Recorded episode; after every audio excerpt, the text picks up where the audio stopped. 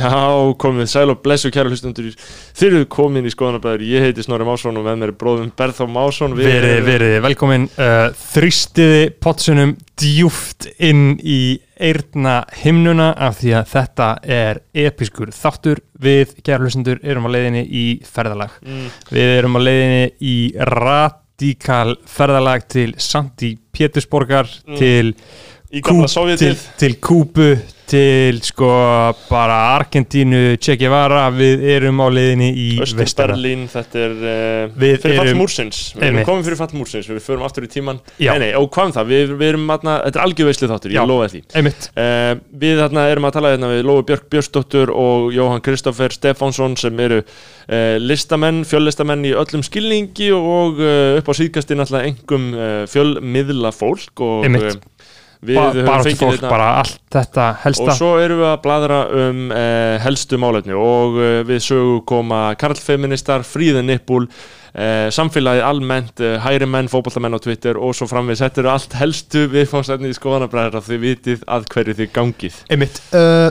Eh. Kæri hlustundi, við erum á Facebook með Facebook-hópin Skoðana Bræðra Lægið þar sem að við uh, setjum alls konar hluti inn. Uh, hlustundur ræða uh, þætti sem til dæmis í síðast þætti. Þá vorum við sem sagt að gára að tala um síðast þætti, þá vorum við að tala um fríðin Nippul. Þarna, uh, og þáttöku þína í fríðin Nippul barátunni ég sló í gegn þar. Já, og þarna þá var hann Jóhannes Óli Sveinsson uh, djúpur í bræðlæðinu Við erum með, það er aðhalda skoðanabræðarlegin Já, þannig já. að þegar við segjum eitthvað og nefnum eitthvað þá er, þá er því stundum flett upp skilurðu. þannig að Já. þarna hann fór og fletti upp mínum tístum frá Já, já. 2015 og ég stend Sko- þau meina, viltu eitthvað, þú ert ekki alveg búin að tjá þig um þetta viltu eitthvað útskýra hvern, það. hvernig líður, ég veit ekki ég, mér myndi líða alveg hræðilega Sko, ef er- eitthvað myndi grásn upp um mig sko. málið er að mér er alveg sama þetta er þetta bara eitthvað gamalt Já. þetta er fimm ára þú gamalt ert bara í sátt við sjálfa þig á þessum tíma. Þarf ég ekki að vera það? Jú, þú þú þarf það að vera sko, þú og ég myndi vilja vera en ég er það ekki alveg sko. ég meina, þú veist ég sagði hluti eins og brjóst þurfti að koma í fjölmila sko, ég, ég, Ég- ég, skal, skal lesa upp innan okkur hérna. þú segir hérna er að deyja úr stolti. Love this shit.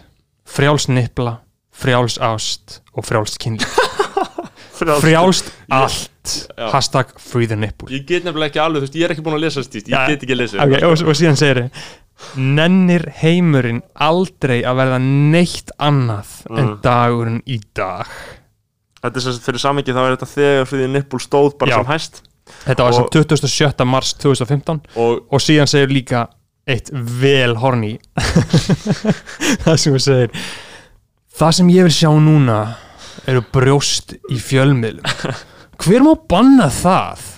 Hashtag free the nipple to the fullest.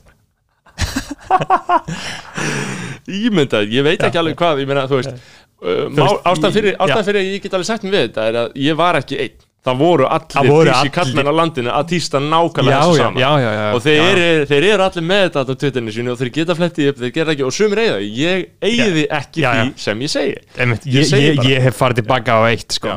Ég segi bara það sem ég segi og uh, fólk má bara, þú veist, mér, ég er alveg með nógu breytt bak til þess að taka þessu en þarna sko, Einmitt. sköpuðust frjóramræður og þetta er til mark sem hversu líflegu vettvangur hópur á Facebook eins og skoðana bræðarlægi Akkurat, og við erum með talhaðvarp og við, þetta var að við vinnudagur í eitt átt Mhm. er, er það ekki, Sirka. er, er ekki svona cirka kannski sex, sex, sex tíma vinnudagur eins og á að gera sko. undirbúningur, skipulagning, upptaka, klipping eftirvinnsla, uh, umgjörð þetta er hel, heilmikið vessun og við erum bara að reyna að geta fengið okkur svona fengið Einmitt. okkur svona smá grunntegjur til þess að við getum réttlæta fyrir sjálfum okkur að gera Já. þetta þannig að það sé ekki bara ókipis uh, við erum ekki að vera ríkir á þessu, þannig að við erum með Patreon þar sem að fólk getur bara stutt okkur og smelt einhverju svona pínu litlu mánaðalegu framlægi og þá bara heldur þetta okkur gangandi mjög vel, við erum með þrjár leiðir þetta, þetta gefur okkur bara pínu pening til þess að við getum Já, ekki gert ekki, og alveg bara ekki endilega gert annað dót sem við þurfum að gera til að græða pening. Þannig við höfum tíma til þess að gera þetta. Af því að kostar pening að lifa. Pínu litlar þrjá leiðir, þetta er sem sagt, þarna 5 dólar eða 10 dólar eða 30 dólar þá færðu líka fullt á auka þáttum skilu, þetta er ekki bara gjöf heldur, Nei. þetta er bara áskrift af fullt, fullt af efni sem við gerum. aðra hvora viku núna Mm. uh, síðan er svona stemt á kannski að uh, breyta því þegar það er svörum til þess Þegar- og þegar, þegar- áskrifnir eru orðna nægar líka Já, þá stefnu á það að gera uh, þá, á, þá verða tveir skoðanabræðþættir Já. í viku og einn verður þá bræðarlagsstáttur þar sem við erum bara tveir Mm. og einn þar sem við fáum til okkar uh, kallmann vikunar þannig að skellið ykkur í það uh, all annars bara, þú veist, og þú, þú ferð bara inn í Patreon appið og færið Patreon og þá bara getur þú að leita að skoðanabræðum og síðan bara áskrift vart ekki að setja kreditkort og númer, þetta er bara Apple ID dæmi, þú bara íti bara, þetta er bara íta nokkur sem er að ok, easy, þetta er bara app. Og síðan bara spilaru allt efnið í geðvöku appi í símanum sem er betra en Spotify og Já, podcast appið, þannig og við komumst að því um daginn að það eru átta eksklusífur þættir þannig inni. Mhm. þannig að fyrir þá sem er að kafa djúft þeir geta farið og hlusta á tilbaka. og síðan kemur alltaf nýr aðra hverju viku. Ok, en Um, uh, Við erum með sem sagt uh, flokkin þar sem er borgað þér 30 dólarar á mánuði. Og það eru Aron Kristinn Jónasson Benedikt Bjarnason, Emil Pálsson, Geoffrey Huntington Williams Haldán Sveinsson tónlistamæðurinn Dirb, Jónas Guðmundsson Kristófer Daði Naflaus Kona, Sverrir Jóhansson, Tandri Snær Traustason. Tindur Kárasson Tindur Örvarsson. Tómas Óli Ekkertsson og Úlfur Árnason. Uh, Þetta tve, er Tveir nýjir tvei nýjir, það bætist við Ar bara Aron, Kristinn Jónasson og Tindur Kárasson Tveir sagt æskuðinu mínir. Við Já. vorum saman í Vesturbæðaskóla á Mm. Seljavegnum og Ég get ekki líst hversu, hversu mikil sem með þetta og velkomnir. verið velkomin og verið velkomin í þennan góða góða þátt af uh, skoðana bræðurum uh, við ætlum að bjóða hérna velkomin í hlaðvarpið til, neða sérst í hljóð verið til okkar. Uh, Lóu og Jóa Guðblessi um bróðir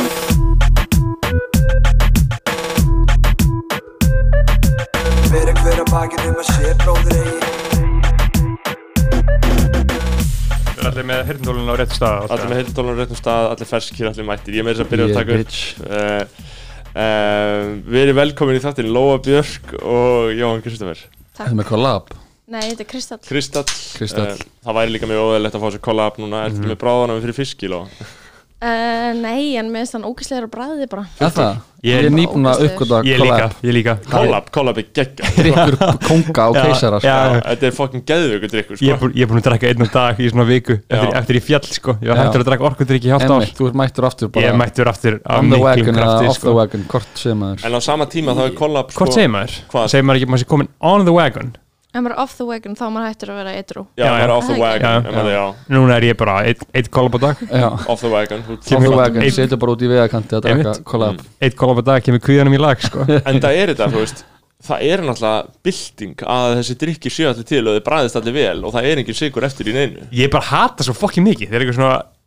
risastórt skýta fyrirtæki eins og ölgerðin skilur við Ok, ok. Gerir eitthvað shit Bara, ah, þetta virkaði við. Ah, þetta var snill Ég Ég er svona smá þannig výrað sko, ég vil frekar að Ölgerin gera þetta vel heldur en að koma eitthvað nýtt fyrirtæki já, sem er eitthvað En það vilti ekki er einhverju. Ég vil miklu frekar bara einhverjir Gaurar eins og allir þessi brugghús og allt þetta dót út á landi séu bara eitthvað. Já, en ölgerðin er kjölfesta og við viljum að þau séu með góðan orkudrykk Já. sem er framleiða Ég er þáttið svona í snorraskólum í Já. sko. Já, ég, ég, ég, ég samanlega með að, niður með Nokko, skilur við mm. Og bara- Red Bull, neða Red Bull er náttúrulega algjör líka, sko. Já, ég er, er, ég held að Red Bull sé vissu Nei, það- er Víurfell er Monster og Monster eru, þú veist, vinstalandi orkudrykkar á Íslandi. Stóra Já, klóin, það. Já, hvít kló. e- en þeir eru ekki með Þeir- sko, þeir- þeir eru ekki með er vinsælli sko. Collab er vinsælli Ég held að í einhverjum, einhverjum könnunum undan nýlega þá sá ég mitt að þessi hérna Raspberry og þessi fjólublói Collab eru bara vinsælst orkudrykkir á landinu. Það er að segja Svo gott. þessi tveir, þessar tveir bræðtegundir ef maður tekur þetta bara svona afmarka þessar tveir bræðtegundir held í trón og toppnum og síðan kemur eitthvað þriða sæti eitthvað nokko Miami eða eitthvað skilur Ok, sem ég fíla alltaf ekki neitt. En hvað fannst ykkur um gæluna sem að dónæsti því út sem hún drakk kollab og var síðan ógísla heit. ég var náttúrulega ég var náttúrulega að vísa til þess ég var náttúrulega að vísa til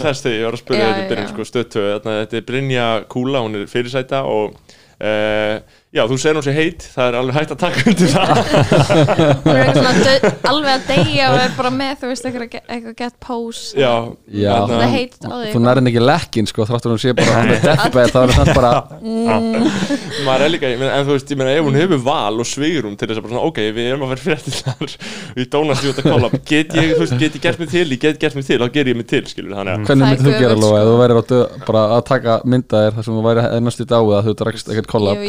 að Það sko. ég líta vel út sko. eða myndir vera bara eitthvað myndur fara, bara í eitthvað mörtumar í make-up sem róni fyrir fréttina.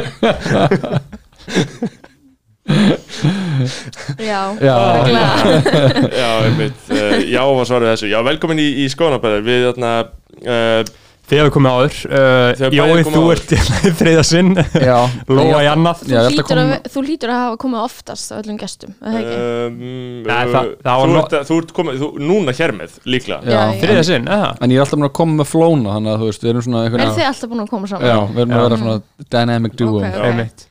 Uh, Hefur engin annan komið sinnum með? Uh, ég, nei, örgulega ekki, menn Nei. tveir er mikið En við höfum Já. alltaf, ég hef náttúrulega talað fyrir þessari stefnu Að fá fólk aftur í hljóðveður og að þeim, þú veist, þetta er náttúrulega bara uh, Allt saman, fjölmjölun út af fyrir sig er endur tekið efni, skilur Já, og líka bara mikið búið að gerast síðan ég kom senast sko. Það er Já. örugglega ár síðan ég kom Me, Meirin ár sko Þú, þú, þú ár. komst bara einhvern mann í sko Þú inn. mæ Þú varst þriðið eða fjórðið Já. Kallmaði vikunar hérna bara í Í árdara öðrum þætti eða eitthvað, Já. þriða þætti Já, já við tókum Pétur Kjernan og síðan Dóra Díana og síðan þig Já. Hvaða hvað- týst val Og hvaða, hvaða vatni hefur unnið til sjávar síðan þá? Einmitt, hvað Hvað hefur breyst síðan voruð 2019 í íslensku samfélagi almennt? Getur ég aðeins farið við það? Það er náttúrulega bara veiran sko. Mm. Ætli hún sé ekki bara mesta breytingin Stóra síð Veiran skæða Já, og það er það sem hefur breyst mm. Mest, eh, breyst, breytt mestu held ég. Ég held því svo fokk ég finni í gæri ég, var- ég var í Costco og með einhver gaur sem var að vinna að, að, að hlaða einhver jarðabjörn og eitthvað. Hann bara bandarísku gaur sko. Hann bara what do you guys think about this coronavirus? Ég bara að spyrja nú Já, bara Í og ég bara uh, what do you mean? I just mean, what- what's your opinion on it? Ég bara eitthvað, uh, þú veist var, var geð, bara bjóst ekki við að heyra einhver band, einhver bandarísku skilur, einhver gaur að hlaða jarðabjörn og eitthvað, yeah man I, I, I'm, I don't like this stuff. Ég bara eitthvað, nei, já, já, já, já. Hvað Og- og- er að og- bandarækjamönnum og, og síðan var þetta sko farar út í það skilur að voru komin svona að maður byrja að tala um Kína skilur og maður vissi bara að það var eitthvað Chinavirus já maður vissi að það var eitthvað eitthvað vel rassíst á leiðinni skilur og þá náðu við svona bara yeah, good luck man, see, see you around. Þannig að í bandaríkjunum er alltaf pólitísk skoðun hvort að þessi vera, að þessi vera sér til. Já, ég dyrka það sko. Ég, dyrka það Ég ekki- dýrka það náttúrulega mjög mikið Engin sko. fasti til. Nei. Það er allt bara Þetta er allt Huglægt mat já. bara. Uh, Það er að gerast á Íslandi líka, eða ekki? Að hér er haflega svona eitthvað, er- eitthvað. Já, sko, hérna er þú veist, hann að tala um að- Á Twitter, já, eitthvað svona Þú veist, það er algjört högg fyrir fótboltan að að sé bara að fresta ykkur mótum og eitthvað Mm, út, að- út, af ykkur kvefi og allir eru bara þetta er náttúrulega Já. sko, í fyrsta lagi, þú veist, það er náttúrulega ímislegt sem við höfum lært. Í fyrsta lagi náttúrulega, þetta er sko svo langt frá því að vera kvef, þetta er svo hættulegt það er svo slemt að fá þetta. Fullt af ungu fólki sem ég bara heyrt tala um þetta sem hafa fengið þetta bara okkar aldri, fullkvæmlega hraust bla bla bla, og þau bara eru í hakki fjórum mánuðum síðan, eru í ekki jafnað sig. endurhæfingu hafa ekki jafnað sig, bara þú veist, að kalla þetta kvef og að gera lítið úr sjúkdómnum er svona algjörlega, þú veist, mér finnst það dæma því svolítið úr leika því það er svo, þurfum ekki að ræða það, skilur Mér finnst það smá sækó, sko. Uh, á sama tíma þá, þá erum við mitt, þú veist, eins og þú segir fótboltinn, fótboltinn hefur verið að láta heyri í sér skemmtistæðin hafa verið að láta heyri í sér. Uh, mér finnst, þú veist, ég las bara tweet í gær síðast uh. Og maður fer náttúrulega inn á Twitter til þess að stinga sig í Bara augun. líða illa, sko. Já, já. bara virkilega líða illa. Og þú veist, þar eru tekin, þú veist, bara hérna er bara einhver, einhver aðna, já, eitthvað svona síðasta, þú veist, einhver svona daily screenshoti af uh, frétt sem er, þú veist, síðasta stórmóti sömarsins aflýst. Ok. einhver fótboltamóti hjá einhver litlum strákum aflýst. Já, já, já. Uh, er náttúrulega ekkert sem mér gæti verið meira drullu saman í öllum heiminum Nei.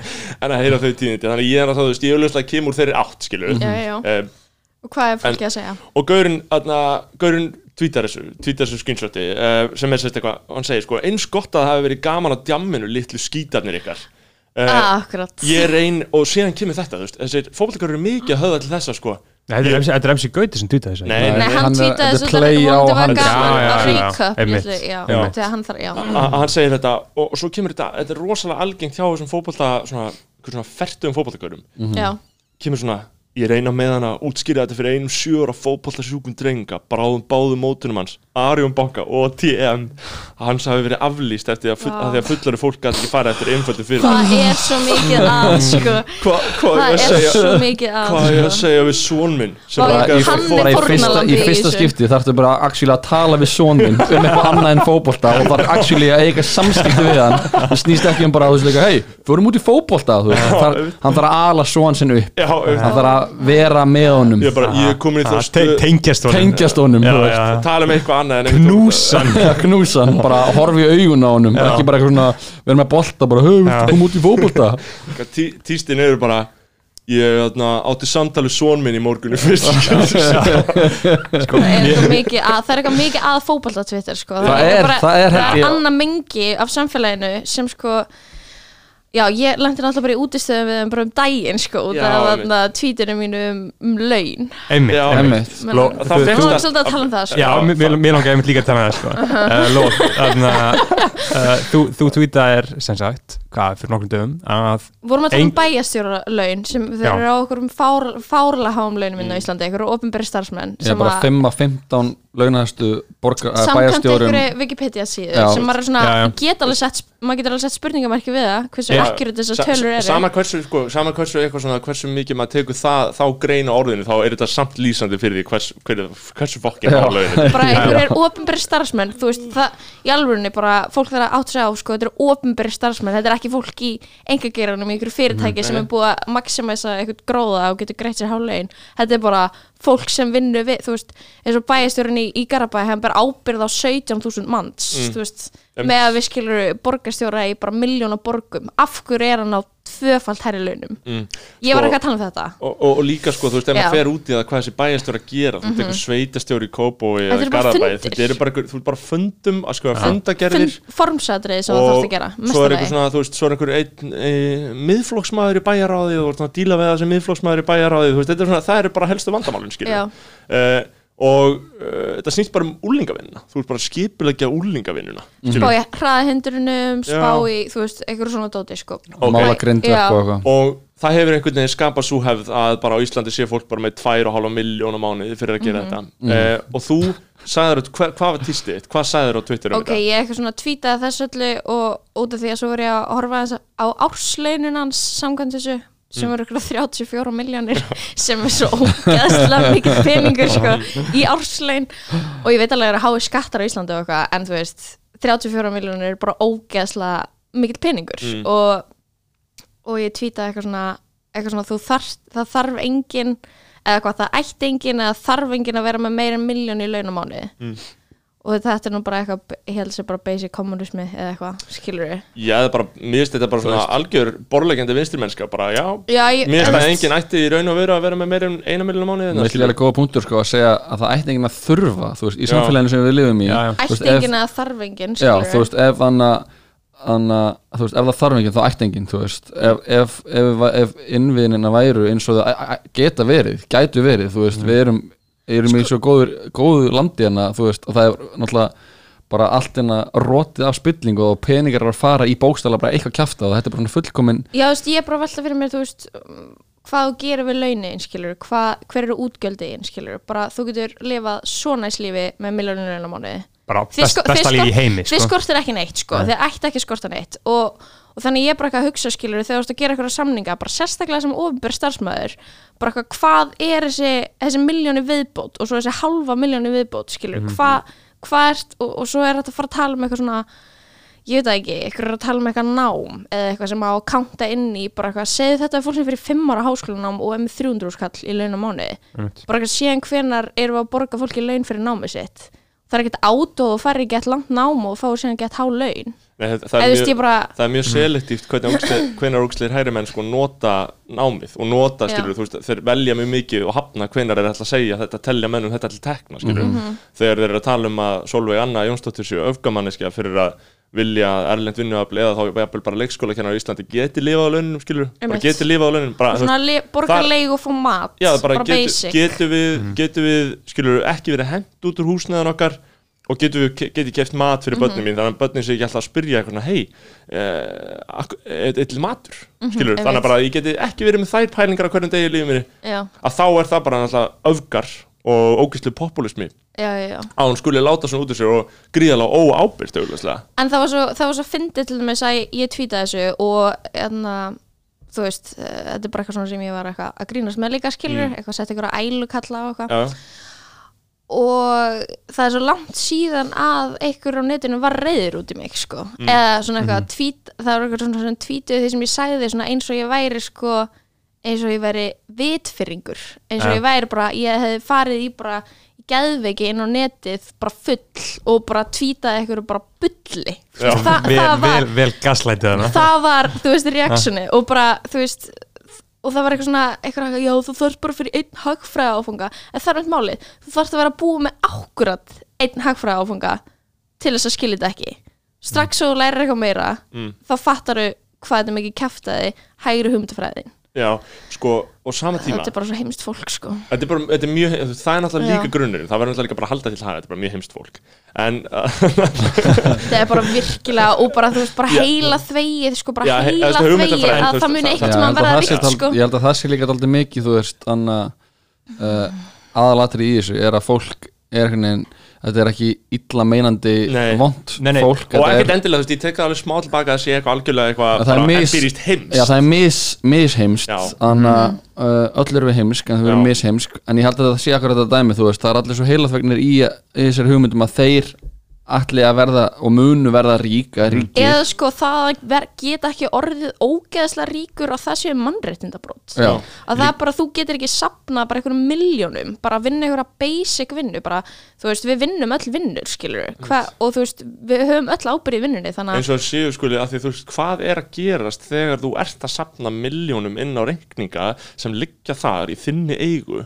Veist, þá ertu bara að taka pening frá öllum öðrum, skilur um leið ég ef já, þú átt- miljardar, Já, sko ef þú átt þrjá miljardin á reikningin sem, sem þú gerir ekkert við þá er þetta þrýr miljardar sem gæti bara ofbeldi, verið sko. sko. veist, það er ákveðin þegar fólk, ofbeldi. er, þegar fólk á ekki verið mat þá er ofbeld að eiga miljardar sko. Já. mér Já. finnst það bara, ég trúi því í hverju einustu frumu og það sem er svo fyndið er að þú veist, eina fólki sem svara mann á netinu og kalla mann brjálæðing er fólk sem á örgulega eiginlega engan pening. Og heldur, og það heldur að muni eitthvað sem að vera ríkt. Og, og, og það heldur sko að það sé í rauninni nær miljardamæringunum en fátæka fólkinu Þa, það, það, það er nefnilega svolítið miskilningur Já, sko, þetta er að- þegar að þú ert bara stjartfræðilega langt frá því að vera nálægt þessum miljardamæringum Já, já, þetta er En gaurinn a- og- þarna- þetta er hérna Abu-mými það sem að stekkur fyrir hann að ég hafi ekki séð hann með Elon Musk skilu. þetta er gaurinn sem verja Elon Musk Já, já. þetta er bara, þú veist, já, þetta eru bókstallega þeir sem sleikja stífilinn sko. þetta er- þetta bútleikar Já, já. og, en, en, en gallin er líka sko að þú veist það er ekki endilega hægt að sko kenna þeim svo mikið um þetta því að bara þetta er bara sem að samfélagið hefur bara Þetta er ríkjandi Já, hugmyndafræði. þetta er ríkjandi hugmyndafræðin og þú samfélagið leggur Mhm. virði í það að eiga flott einbýlishús að eiga einhvern húsbíl að eiga bát, að eiga allt þessi samfélagið leggur virði í þetta og svona gaurar eins og Bjöggi Þór og Robert Westman og eitthvað svona þeir, bara, margir, Mhm. bara, þeir eru bara að vera netti gaurar skilur þeir eru bara sigurvegarinni þetta Já. snýst allt um þú veist, þú veist vöxtin þú veist, Já. ef það er ekki þú veist, samfélagi sem við lifum í það, það gengur út frá því að ef það er ekki vöxtur þá er það dauði þú veist. En, en, en það sem að sko uh, fólki virðist aðeins kannski svona horfa framjá er að saman hvað sem ekki pening þú átt sko. Þú veist, Björgólu Þór og Jeff Bezos eru að horfa á sömu Netflix-seríur og við sko.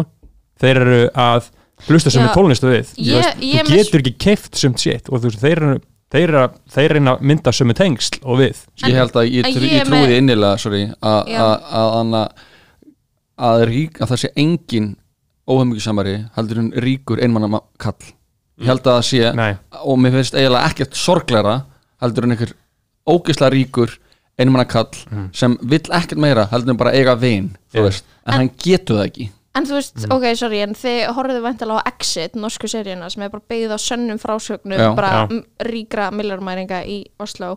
Það eru bara gauður að bara lemja vendiskonu, setja gamans þú veist, taka ógeðslega mikið að kóka henni þú veist uh, lemja eitthvað fólk út á götu, engar afleggingar þú veist, alltaf nýr bíl bara uh, beita alla í kringum sig andlega ofbeldi. Ég, ég, þú veist, og ég bara með langa bara að, þú veist, ég velti fyrir mig hvort að fólk sem eitthvað svona, þú veist ver milljaramæringa á því að það heldur að þannig gangi hagkerfi okkur upp viti að þú veist, manneski sem þú veist að verja er bara eitthvað í símaskránu hjá Epstein.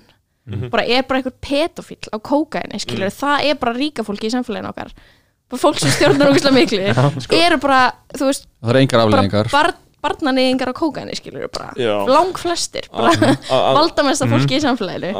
Og, og en sko uh, það sem þú varst að tala um Berþór að, að, sko, þú veist að þetta er og, og þið, þetta er náttúrulega ríkjandi hugmyndafræði Mhm. uh, og maður spyr sér náttúrulega sko, þú veist, hvar uh, innrætingin fer fram hún fer náttúrulega bara fram í fjölmilum að þetta er fólki sem fyrir viðtöl FNÍFum blöð, en líka bara skólakerfinu. Bara og, bí bíómyndir og þú veist. Og sögukensla líka Já, í og- skólum Það var allt er rauninni innrætið þetta í þig. Skólakerfið er einhver staður sem við verjum bara öllum okkur tíma og það verður að kenna okkur hluti sem eru sannir. Mm það er bara hei, hérna eru við að segja einhver hluti sem eru sannir skilur, þannig að það er svona á- augljósasta leiðin.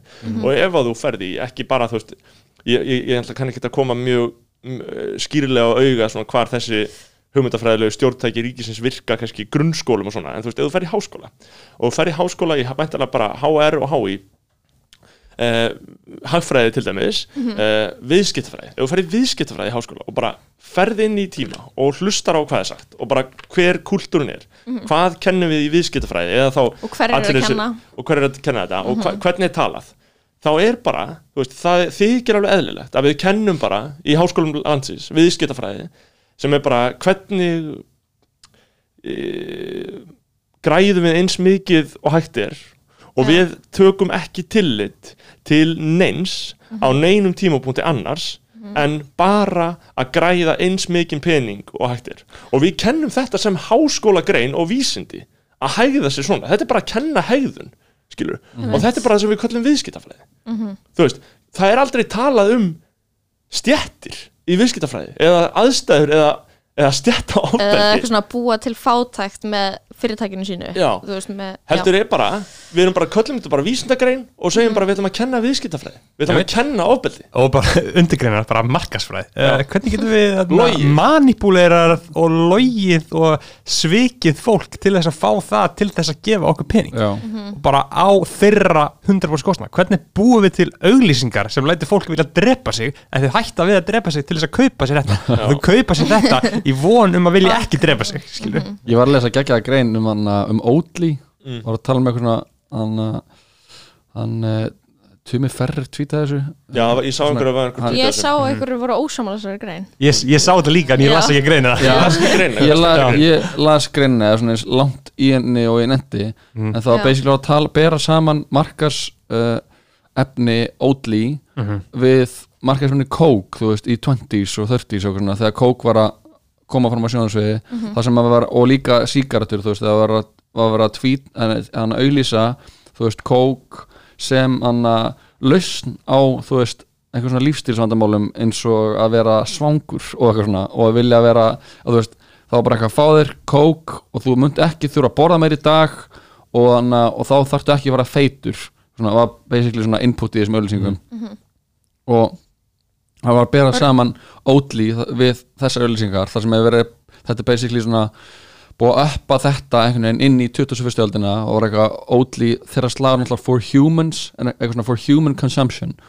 og var að tala um eitthvað svona uh, eitthvað svona að fólk á að geta drekka mjólk er Já, var að spyrja eitthvað svona, í- þú veist, eitthvað svona hana, já, hana, kúamjólk er ekki for human consumption en þú veist, en allt sem fólk býr til, til neyslu er for human consumption, þú veist, þá var eitthvað svona já, ok, Oatly for human consumption eins og síkartur og heroin, sem er allt for human consumption, þú veist. Það verður að það- til eins og þetta sé einhver sérstaða Já, og síðan er líka, þú veist, þá var þetta dæmið, þú veist, það sem að vera einhvern veginn skera sig út frá þessum manna vondu geirum, þú veist eins og mjólkinni og öllu sem Sem veist ógeðslegir. sem er ógæslega, þú veist. En það er líka svona, það er alveg eitthvað problematic í þessu líka, þú veist að því að síðan er verið að tala um, þú veist sigumagn í þessu, er en Oatly er ekkert jafn óholt að kók. Nei, það er, en það er, það var verið að bera það var bara svona tölur, þú veist, um anna, um eitthvað svona glúkósamagn í sírubunu, þú veist, það er eitthvað svona staðlar þú veist, eitthvað svona upp í upp í eitthvað hundrað eða eitthvað.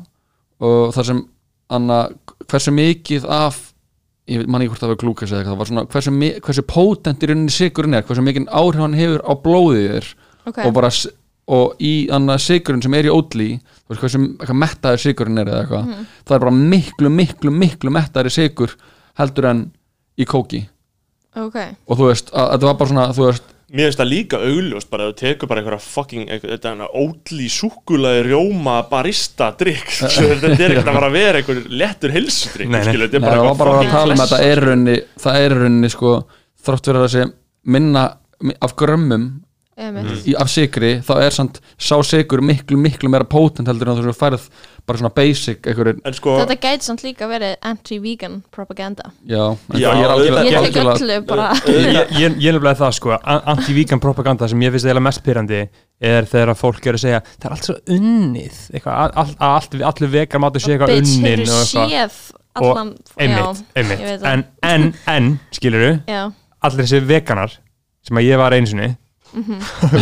og hætti Já. út af uh, sjálfselskum ástæðum einmitt þeir, þeir sjá bara eitthvað ólt í bara vá, frábært, bara frábært frábært, er þessi fyndin, sko. snill þessi dylda geggja, bara vá voru þið hérna KFC að fá vegan, þessi snillingar skilur, Þau þeir bara algjörlega vegan- horfa fram hjá öll kapitalismanum 100% Já, í já, öllu já, já. og bara Orðræðan innan vegan Ísland er gleypa bara eins við og- öllu þessu bara krónan eitthvað rýbranda sig sem eitthvað svona sem í eitthvað svona Vegan vegan safe dæmi haven, og já, eitthvað já, svona já. síðan er krónan bara eitthvað í eig, bara festir á krónina og er að greiða sér út bara miljardar arð og bara arðaræna þjóðna skilur Já, þú veist, að vera, að vera vegan á Íslandi er bara að vera, skilur, neyslu, bara Já. mesti neyslu dyrkandinn, sko. já, já. Ég veit ekki hvernig er þetta að lýsa þið betur. Það það er bara að sleikja vegan majónes af stígulinu já, bara Já.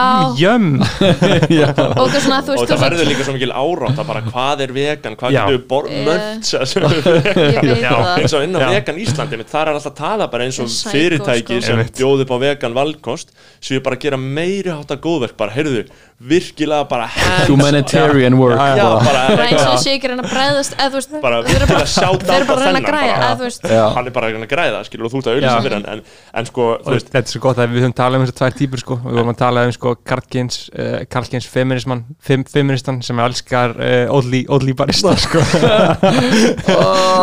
elskar það sko. bara gaurinn gaurinn á hjólinu með trefilinn bara berst fyrir kvennetindum en, bara en, en free the nipple Já. bara já, free. Sko, við þurfum að ræða og sérstaklega ekki, sko, en, en þessi gaur, þessi Karlkin hann, þessi- bara, hann, hann, rungar, sér svo mikið í klámi hvað er svona, hvað er svona feik við hann, maður langar svo að fara til það, sko, sko, hann er uh, bara, af því að hann hatar konur. Hann fyrirlítur konur, er það ekki? Ég veit það ekki, fess svo mikið eftir í hvernig þeir eru að tala um, sko. Mm, þetta er svona erketýpa já, já, Já, ok, sko, ef þeir eru að tala um hvernkins feministan sem er feministi til þess að fá að ríða. Já, karlkyns hann- feministan, já. Já, segi, segi já, Það, hann hata konur, sko. Já. En ég er bara eitthvað svona, svo þekki maður eitthvað sem ég er svona uh, langar ekki að setja í þetta hólf skilur það dansa margir á línunni hérna sko. Og maður hugsa svona, er hann, er hann vargur í ég, skilur við ég, ég man sko bara eftir þræði á Twitter fyrir svona mánuði síðan sem var eitthvað svona Þorsteinn Vaff sem heitir, hvað heitir hann, hvernréttinda hetjan kallmennskan já Já, eitthvað svona setur inn þráð. Bara vitið um eitthvað kallmenn á Íslandi sem eru í alvörunni feministar Mhm. og það kom bara ógislega langur þráður og ég fattaði bara eitthvað svona að hvað hvað við hugsum að feminismi sé og hvað sé að vera Einmitt. rótækur og einmitt. hvað okkur finnst um þessa hugmyndafræði. Hún er byggð á engu, hún er byggð á okkur BuzzFeed grein frá 2009 og bara ég skil, eða þú veist ég horfi svolítið svona á þetta að ég las í gegnum hann þráð og ég er eitthvað enginn af þessum gaurum er feministi. Mhm. þá var ég bara að, að dæma yfirborskent, ég var eitthvað, þú veist, þessi gaurar veit ekki shit, skilur við Ég bara elska Oddly barista ég, veit- ég, veist, ég veit ekki hvað það er. Ég er svona, kann, eins og það var eitthvað þingmaður úr viðreisn. Ég var eitthvað, sorry, Æ. en ég held að þegar þú ert þingmaður í viðreisn. Þá stimplar þið út sem eitthvað svona feministi. Bara kannski ertu í jafnbreytti sinni kannski bara, þú veist en hann er ekki einu svona það. Þú veist, hann hætti til þess að fara vera forstjóri BM Valla og eitthvað kæftæði skilur. Já, já. já, veist, og ég er bara svona kallkynns feministi, ég er bara ég ætlaði bara að fá að segja, I call bullshit og Mhm. maður langar bara fyrir meira að tala um að eitthvað sé antisexist eða eitthvað. Þú veist, alveg eins og, þú veist ég er ekki að fara að láta Black Lives Matter snúast um mig Mhm. og hvað ég sé góð manneskja þá er ég, þú veist ég, ég veit það ekki, Fatt, fattiði mig þú Ég veist, ég held að sko. kallmenn þurfa að vera, æ, þú veist þetta er feminismi, æ, ég, Ég- ég, ég- ég veit það ég, ég, ekki ég, skilði sko, Þa, þetta er alls konar bara svona, þetta er alls konar koncept sko, eins og bara um daginn fattaði ég fyrsta sinn, það er alltaf verið að tala um pláss. Og ég alltaf bara, já, pláss, eitthvað, whatever, það er ekki pláss. Það er ekki pláss, það er mikið pláss fyrir mig, lítið pláss fyrir þig, skilur, en aldrei raunverulega fatta þetta, skilur, aldrei svona almennilega skil eitthvað pláss þýðir bara alltaf Bara svona andlegt. vita að þessu, kon- alltaf vita að þessu konsepti skilur en aldrei Mhm. almennilega til þess að skil útskjára hlustum þá er þetta að tala um þegar fólk tala um þetta í svona að taka yfir- pláss að taka pláss í skilurðu. fjölum eins og það er geðveikt mikið pláss fyrir mig og snorra tvo kallmenn með podcast. Já, já. það er bara rosalega mikið pláss fyrir þetta. Fólk bara "Hm, já, já, skilur Fólk sér- getur líka að hlusta á ykkur og eitthvað vinstri áraður aðeins að jaða setja ykkur, fattið Já, munin strax og tvær stelpur með podcast þar sem þið farið að drulla yfir hluti þá fólk eitthvað, já ok, mín í solvi annað þetta er svona munurinn í þetta, þetta er grunninn, munur sko. og aðalega það sem ég það sem, þegar ég fattaði eitthvað pláss tíði sko. ég var að hlusta á þess að podcast um, gert af svona kanadíska BBC, kanadíska rúf um Já, sem sagt og heit, podcasti heiti This is not a Drake podcast Ok. okay. podcast er um Drake og verið að rannsaka hans feril í sem sagt samengi við svarta tónlist og sögu svartra í Kanada Ok. og þá var hann að tala um að hann myndi aldrei fá að gera þátt um reynslu svartra í Kanada eða svarta tónlist í Kanada sem að blanda Drake í þetta að það er ekki pláss fyrir það, skilur Emitt fólk vill ekki heyra það en fólk vill heyra bara "D- podcast um Drake, já maður allir að hlusta á það, en það vill engin hlusta á það er ekki pláss fyrir hitt, en það er sjúkla mikið Bara pláss fyrir í- Drake indie dótið, bara jaðarinn Já, Eða- bara, já. veist, bara í, í, í fjölmjölum og í hvað Aha. Mhm. fólk vill hlusta á og hvað, hvað þetta kanadíska uh, ríkisveitan vill framleiða, skilur Mhm. hún vill bara framleiða eitthvað um Drake en hún vill ekki framleiða eitthvað um brettindabaratu blöggumanna í Kanada, skilur en þá þarftu að fjalla um það í samhengi við Drake. Sk- skilja ekki að meina, og þetta er þetta pláss. Og eftir þetta, já ok, já. Núna er ég svona smátt smátt farin að skilja þetta pláss dæmi Já, og þetta plástæmi er náttúrulega líka rosalega flókið, þetta er náttúrulega samverkandi þættir, þetta er bæði svona einhvern veginn, þetta er algjört uh, samtal við hlustendur um hvað þið vilja hlusta á, því að auðvitað getur ekki sagt bara endalist eitthvað sem enginn nennir að hlusta á, því þá er það náttúrulega bara, skilur, þannig að þetta er gildra, þú ert bara fastur í gildru, þú ert bara fastur í gildru á milli þess sem þú veist að fólk vill heyra og þess sem þú telur að sé eigi eitthvað raunverulegt erindi, en þú ert náttúrulega bara ekkert annað en það sem fólk vill heyra, En ég menn, voru ekki að taka en voru ekki að taka viðtöl við Reykjavík þetta bæki gera. Jú, ég Já, eða þú veist, fannst þér það ekki með að við kannski allar hugmyndir sem þú hefur um konur í rappi? Eða, Mhm. eða þú veist, bara rapp tónlist þú veist búin að pæla úslega mikið í rappi. Mhm. bara það að hlusta á þær Mhm. breyti hugsuninni Jú, 100% sko og sér sérstaklega þegar ég tók viðtal við Cyber, uh, Sölku og Jóhannu einn Já. daginn, Mhm. þá eru þær að tala um það að na, bara frá því að þær byrjuðu að rappa, skilju Já.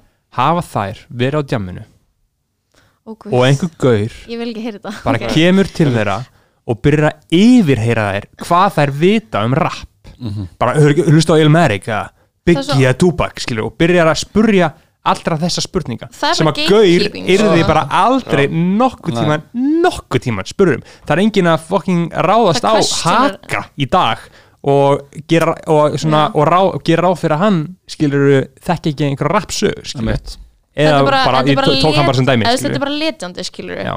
Þetta er bara, þú þarfst að vera harður að þér til þess að nenna þessu. Mhm.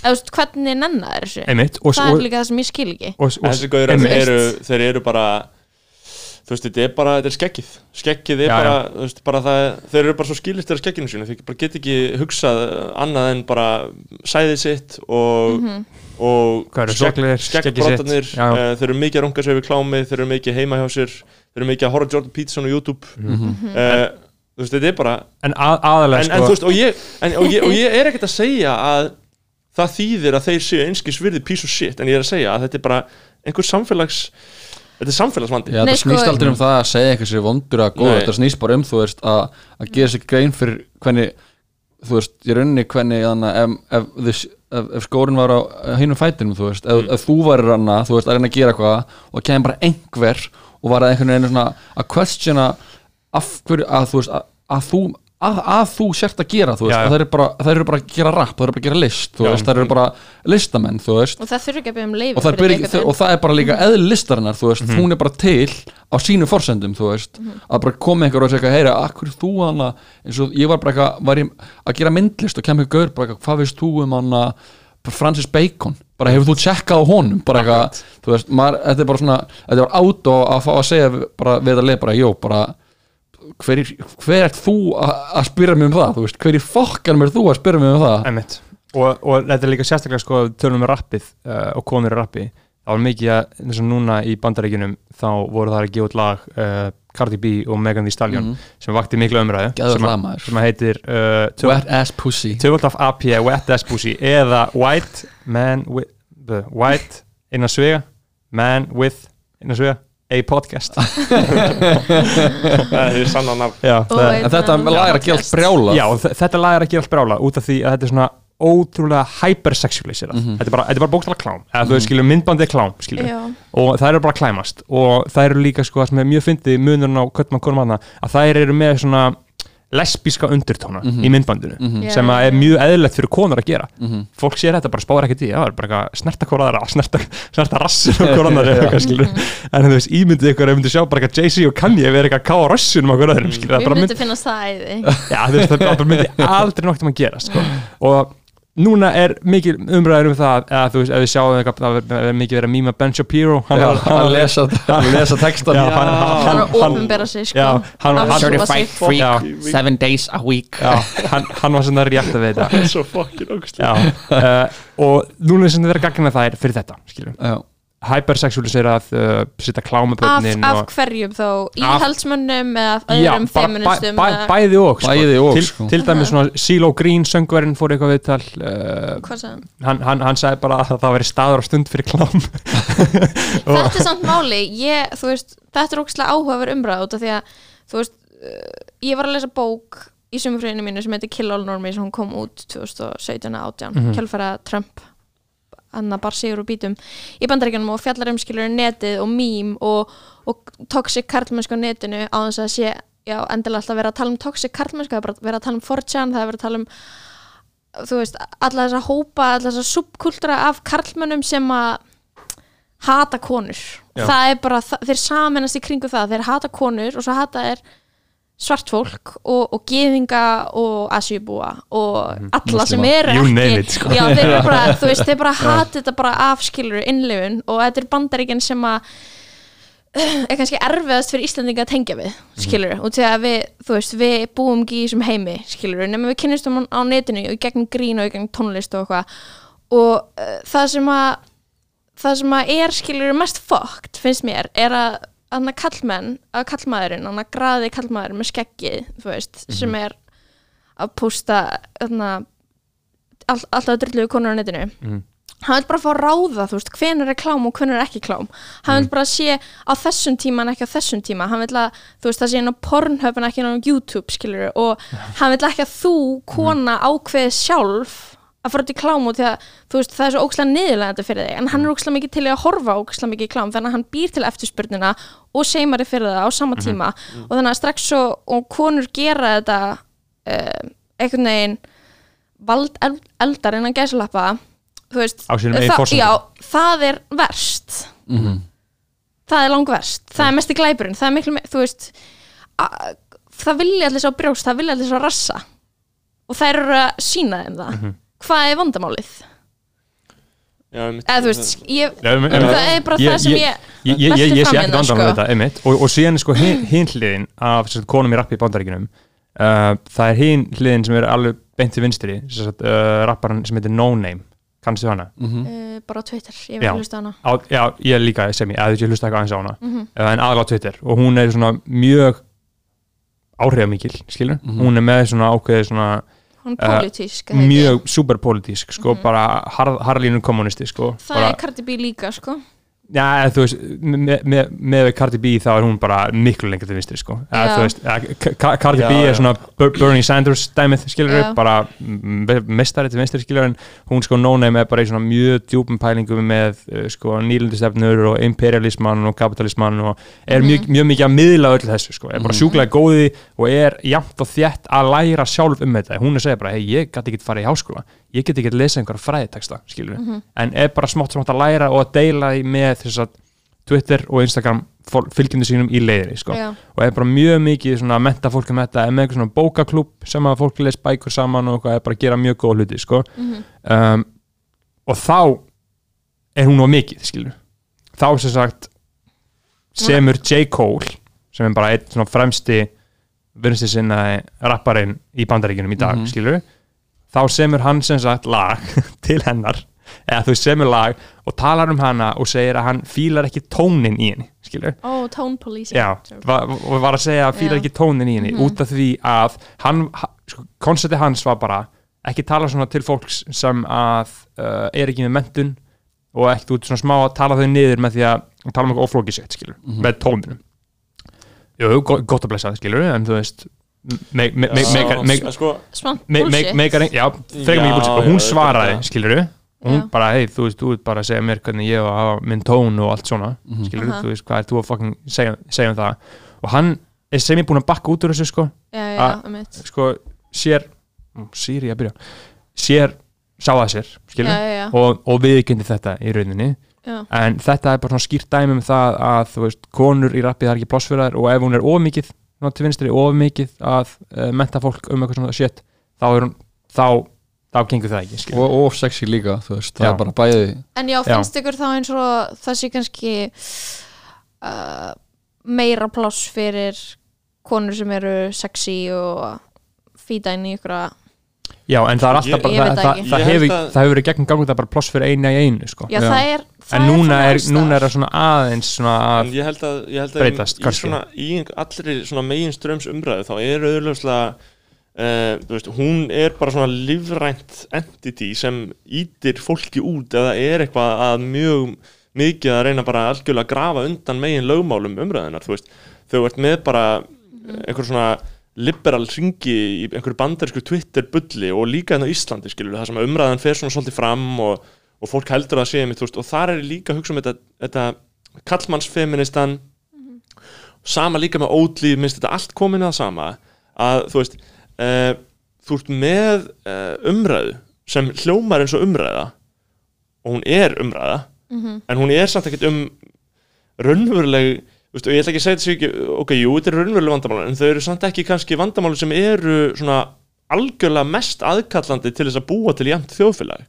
Þú veist, til þess að uh, fjölmiðlar og samfélagsmiðlar hafa eitthvað að deilum þá tölum við um hvort einhversu vegan eða ekki, hvort hann hati dýr. Þá tölum við um hvort hann sé feministi eða ekki sem kallmaður og hvort hann sé anti-feministi eða hvernig sem það er. Þá tölum við um skiluru uh, á vissan áttu, þú veist, mér finnst rasismi ekki alveg svona sömu nótum, en ég meina, þú veist það má svona líka taka þinn í þetta þegar raunverulega vandamálið er miðskipting auðs og kapitalist kerfi.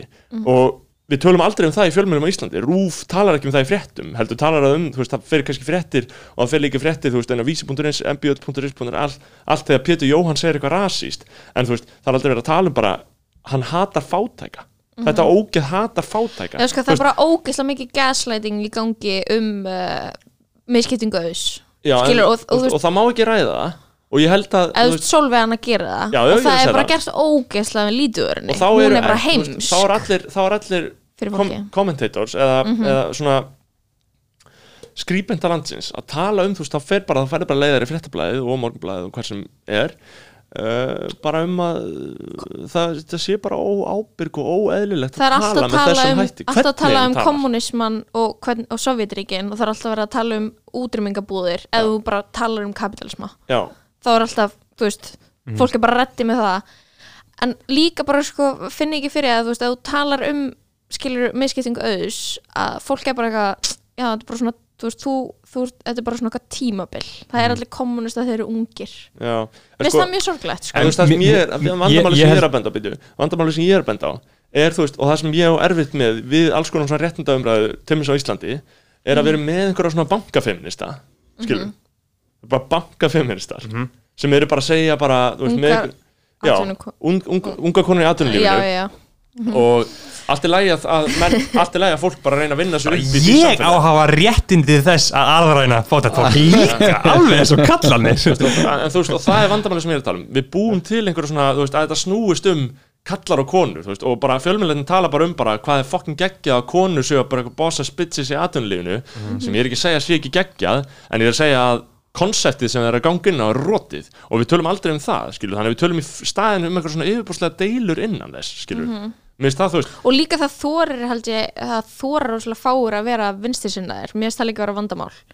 Fattiði mig, þú veist, Mm. það er bara svona villengin tala villengin vera vinstirsinnaðir, það villengin segja hvað hann finnst um pólitík og bara Mm. pólitísk, pólitísk umræða almennt á Íslandi það er bara svona, það villengin vera með leiðindi. Það þarf alltaf að, veist, við þurfum alltaf að geta að horta fótbolta saman. Við, þú veist, þetta er bara vini mínir bara, ég áttu tíu vini sem að hata allir konur og, og, og, og, eru, og eru viðskiptafræði í HÍ bara, okkur eru þið vinir okkur segir þeim ekki hvernig, hvernig líður og, og þeir finnst pappans vera fáið skilur út af því að hann á samherja, eða eitthvað kæfta ég er bara að mála upp eitthvað, þetta er bara Íslands samfélag. Við erum bara öll geðum ekki að reyna að vera vinir. en þar ertu, þar ertu með mig, Ég ekki. vil líka vera vinnur allra. Ég er, ekkert, ég er bara að hugsa þetta. Ég, hug, ég er bara all talk, ég tala bara Ok. Mhm. þetta er bara eitthvað sem ég skilur og mm það er vandamálið, þannig að ég skil gott við og ég, ég er sammálaðið þessi vandamál en þú veist, það gildir um mig og maður er ekkert saklaus maður er bara vinnur allra og fólk er bara Já, sátt já. og samlindi hér, meina- hér um bil og, og, og það er kannski vandamálið eins og segir, meina, kannski er það grönu vandamálið ég veit það ekki. auðvitað, ég meina, ég var í Vestló, skilur, ég var fullt að, nazi vinum, skilur, góðu leið með það, þú getur alveg spjallað einhvern hægri mann, skilur, Mm.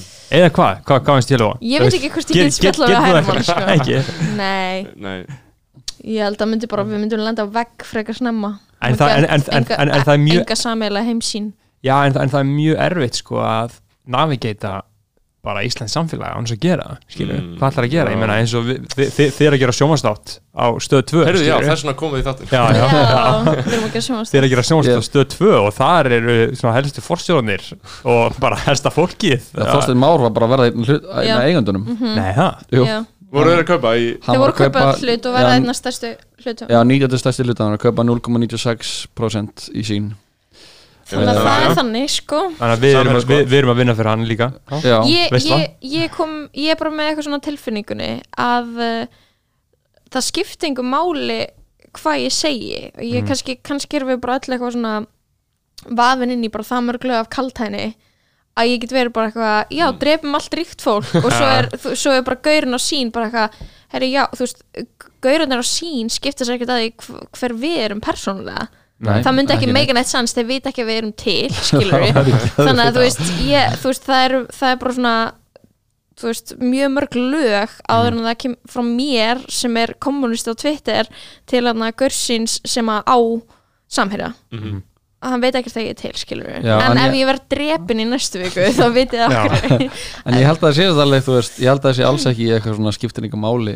Það sem að segja það þegar, þú veist, ég er alveg, er alveg begg, hana, þú veist, báða mig við borðið, þú veist, ég, ég skil algjörlega, lofa, þú veist, að eiga erfitt með eitthvað svona að vera vinur hærimanna, þú veist, og þannig og en ég skil líka, þú veist, að vilja vera vinur allra, þegar ég, ég einhvern veginn svona, þú veist, ég vil bara vera friendly, þú veist, og ég vil hann að, þú veist, ég einhvern veginn ég held að þegar maður er bara svona geðið mikið bara, þú veist, auðvitað þarf, þarf maður líka, það þarf að segja bara, drefum allt ríkt fólk til þess að, að fólk hugsi og þá verður fólk pyrrað og kannski staðfesta ennþá frekar sína trú og sína heimsmynd. Mhm. þá allan að þurfti það að taka þá afstöðu, þú veist ég held samt alveg að, þú veist ég held að það- sé gott að, að það sé bæði vera að negla þessum anna, bara svona radical, þú veist anna, pælingu fram og á sama tíma líka að það séu einhverjir sem eru tilbúin að vera anna, friendly, sem geta haft öðru í þessi áhrif, þú veist. Já, ég velti samt fyrir mig líka bara sko þú veist, hvenar er umræðan tekin? Segjum þú sért í vinnhóp sem er bara 90% hærumenn og þú ert kannski bara fekst einhverja pólitíska innreitingu og bara, þú veist, kannski er, pappiðin að atvinnuleysisbótum eða þú veist, þeim finnst bara eitthvað vera lacking í kerfinu, skilur, þú sér bara kerfið er broti hvenar ertu að taka þá umræði við vinnina er þetta að treysta á eða þú veist, ertu í alveg þú veist, er verið að gera eitthvað? Mér langar bara að hvetja skilur fólk sem að bara veit hvernig líður pólitíst að tala um pólitík við vinni sína sem kannski er, þurfa aldrei að eiga þessar samræðar annars. Þú fl veist, það, það er ákallið skilur ekki að, að þú alienatir þig frá öllum hægri sinu vinnuðinum skilur en flesti þannig, sko, svona hægri sinnaðir og svona miðjumóðs Joe Biden menn, skilur við Mhm. þeir vilji ekki tala um þetta það, Ég- ég, skilur ekki að minna, það er bara Já. ah, þurfi, ah, þú veist. Það, það það, er ekkert bara. það, það er ekkert take, skilur Mhm. það er engar samræður til þess að hafa því það er ekkert hinum einn og það er líka þetta meina- dæmi, þú veist, það er líka þetta dæmi sem einhvern veginn hvernig umræðan er, þú veist, þá er maður bara svona, maður sér eitthvað svona dæmi fólk er að rífast eitthvað á Twitter og maður er bara djúl þetta leðalegt, djúl nenni ég ekkert að spáði þessu, Já. djúl alltaf ég bara að horfa á fótbolta, eða þú veist, djúl alltaf ég bara að halda áfram að gera það sem ég er að gera. Anna, en það er, það er ekkert verið að það er aldrei hort í speilin, þú veist, það er aldrei bara svona hvað er það sem ég er umverulega stend fyrir það sem mínir draumar þú veist, fyrir, hva, hver, hvers draumar eru þetta, þú veist, hver bjóð þess að drauma til? Er, það, er þetta í alvörinu mínir draumar?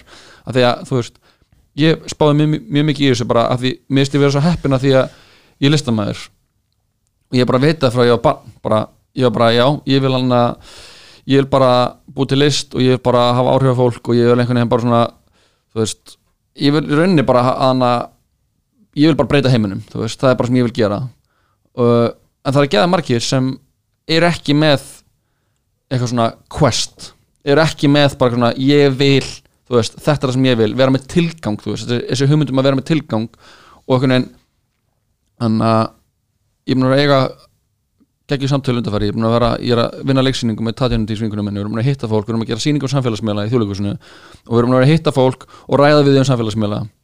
Og, og það er þetta hann að uh, vorum að tala við Frí Ísberg um um tilgangin þú veist og, og, hana, og hvað við viljum þú veist og það er einhvern veginn núna í samfélaginu sem við viljum í dag það er það æðista er náttúrulega bara einstaklingurinn af því að, að því að guðdöður og það er engin gildi sem við sem samfélag lifum eftir.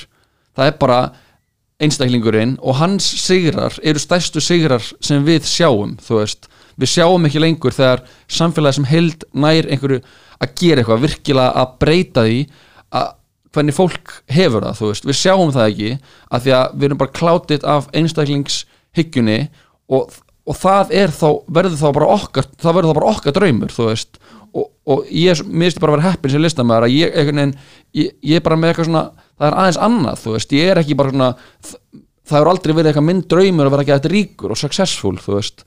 Það, það sem mér er alltaf bara langað er að bara eigi tengslum fólki og veginn búa eitthvað dót til, þú veist. Það er ógæslega margir sem sjá ekkert lengra heldur en bara já, ríkasti maður í heimi það er toppurinn, þú veist þessi sem eru að hana og þessi snekju, veist og það svona eru samfélagsmiðla svona ógæslega toxic, þú veist, af því að þetta eru náttúrulega bara þú veist, við að tala um Haldur Armand líka hann segir bara, þetta er náttúrulega bara, eru, þetta eru fyrirtæki þú veist, þetta er, það verður að láta eins og þetta sé eitthvað svona samfélagsmiðla sé eitthvað svona samfélagstól bara nei, þetta eru stórfyrirtæki og þeirra, anna, aim er bara að græða pening. Og maður stígur inn í þetta og þá sér maður bara, þú veist, maður sér bara þess að toppa bara þess að áhrifu mestu áhrif á valdana, þú veist hvað þeir eru að gera og maður, þá er maður bara já, þú veist, þetta eru bara svona tears af einhverju, einhverjum, þetta er bara þök bara já, þetta þak, ég geti náð þessu ég get alveg, ég get alveg farið á Ion Hotelið og haft að gæða þetta næs ég get alveg farið og gert þetta, þú veist, maður er alltaf einhvern veginn svona bera sér saman við þetta tóm, innan tóm hamingja. Innan tóm hamingja, þú veist, bara maður, þetta er bara að ná einhverjum svona, einhverjum týrs, bara, já, ég, ég get þetta ég get alveg gert þetta, ég ætla næsta ári ætla ég að fara til Bahama eigana og þá verð ég vonandi það verður vonandi gæðvægt gaman og ég get látið mynd af því innan samfélagsmiðla, þú veist, og maður er einhvern veginn svona það er alltaf, það er alltaf bara, svona- það er alltaf nýtt og nýtt þak, þú veist og og ef, ef þú finnur ekki svona einhverja sjálfbæra heimsbyggill að lifa eftir Mhm. skilur sem er bara að vakna og dagurinn er bara ein heild og vika er ein heild og mánuður er ein heild og þetta er ekki einhvers konar línulegt ferli þar sem þú ert bara alltaf í einhverju línuriti að fara upp skilur Mhm. mm. því það er einmitt það línuriti tekur svo lína fer bara áfram upp Já, bara, þarft bara, áfram- vöxturinn. Það er bara, vöxturinn. það er bara, það er, voru tölmundum um fríðu líka, ég og Tanja, það er bara þetta dæmi, bara vöxtur, þú veist þannig að það lítur enginn svo á að, að þú veist, það lítur fáir svo á að bara að eiga bara, að hafa bara hafa bara gott, vera bara sáttur með það sem maður á, þú veist, það er alltaf það er alltaf, ég kaupi litla íbúð ég kaupi stærri íbúð. Ég kaupi stærri íbúð, ég kaupi hús ég kaupi starra hús ég kaupi húsbíl, ég kaupi bústað ég kaupi hús á Flórida ég kaupi, þú veist, það er alltaf bara digga, digga, digga, digga, digga. Og síðan deyr maður, þú veist. Það er, það er aldrei verið svona, heyri, ég kom með uh, næs íbúð núna nú ætla ég bara að rekta tengsli mín ég ætla bara að hafa næs ég ætla að njóta þess að vera til og ég ætla að reyna að gera heiminn að betri stað fyrir aðra en bara mig. Það snýst alltaf bara um mig. Það er bara ég, ég, ég, ég, ég og, og það, er ógeðslega toxic að hugsa svona mikið um sjálfan sig. Það, það er það, það er, út það er líka engin sannleikur sem þú kemst veist að þú pælir ógeðslega mikið í sjálfum þér og þínu identity og hvernig þú lítur út og hvernig þú haga þér og hvernig fólk persífar þig þú kemst aldrei nær neinum sannleik með því að spá meiri sjálfu þér. Það er bara, þú ert bara þú, Mhm. skilur og manneskjan og líka bara svona lífi er líka bara fullt af vombriðum skilur, sama hversu rétt þú fer í gegnum lífið þá getur, þú veist, þú getur samt orðið langveikur þú getur fengið sjúkdóm bara þegar þú ert fertur, þú getur dáið þegar þú ert þrítur og þú veist, þú missir ástvinni og þú fer ekki vinnuna sem þú langar í og bara lífið er bara fullt af vombriðum Mhm. skilur, en, en við getum ekki að accepta það En það sem þú segir er mitt líka um sko, að, að ekki. hugsa svona mikið um sjálfa sig uh, ég held að það lendi allir í því það minnst mikið eftir tímabilum hjá manni bara hvað maður er bara stundum er maður bara heldtekin af, veist, ég hef lent í því að ég er bara eitthvað kannski bara búin að vera sundi, ég er bara einn í sundi og ég er bara horfður á lofti og ég fatta bara, ég er búin að hugsa um sjálfum mig bara í 15 mínútur, bara mig hvað er ég að hugsa? þetta er lífstíl sjúkdómur sko. Hvað að er ég að hugsa? hverju er ég að hugsa fyrir, sjálfum? já, þetta er bara, þetta er bara maður er bara með maður er með bara ímyndar þráhyggju bara hver ég er bara Mhm. haldið þið að eitthvað fólk sem var eitthvað þú veist, að gangi verið eitthvað heiði en að á Íslandi í gamla daga bara, eitthvað að, bara að reyna að deyja ekki í kvöld það er bara verið að lappa og vera bara eitthvað hver er ég maður, þú veist, eitthvað hver, fyrir hvað stend hvert er ég að stefna? hvað stefna? Hvert, Já. þetta er bara, þú veist, þetta er bara eitthvað, maður þarf bara að fatta, maður skiptir einhver máli já, þú veist, skiptir bara- einhver máli og skiptir öllu máli, þú veist já, en þú veist, bara eitthvað svona hvernig, þú veist já, að þú getur skipt máli en í grunninn þú veist, nútral grunninn þá bara skiptir þú ekki svona miklu máli. Nei. en ma- við erum búin að gera okkur sjálf að eitthvað miðju heimsins. Ég átti svo geggja samtælinn sem ég var að vinna í úlingavinni og ég var flokkstöri og það var gæ- gæi sem var svo fucking racist í hópnum mínum. Það var bara strákur, bara ungu strákur í bara grunnskóla hérna á höfubruksvæðinu sem var bara já, muslimar eru svona og, og svarta, svartir og ennorðið og, og kettlingar og konur eru bara svona og var bara, hann var bara hann var, hann var pest, þú veist, ég var bara ég var bara eitthvað, ég, ég, hugsa, ég var alltaf að hugsa bara hver ól þig upp? Elsku, elsku vinnur og síðan sagði við hann einhvern veginn, hann var að segja bara, hann var að gasa svona út úr sér, þú veist. Og ég sagði hann bara, hefur þú spáðið því að það sem þér finnst um hlutina, það skiptir engu máli. Það sem þér finnst og hugmyndir þínar um hvernig allt er, þú veist þær skipta engu máli í neinu samingi þú veist, þú ert bara einhver gaur í einhverjum skóla á Íslandi sem er bara einhver eiga það er allt sem ég ætla að segja þetta skiptir engu máli, þetta hefur engin áhrif.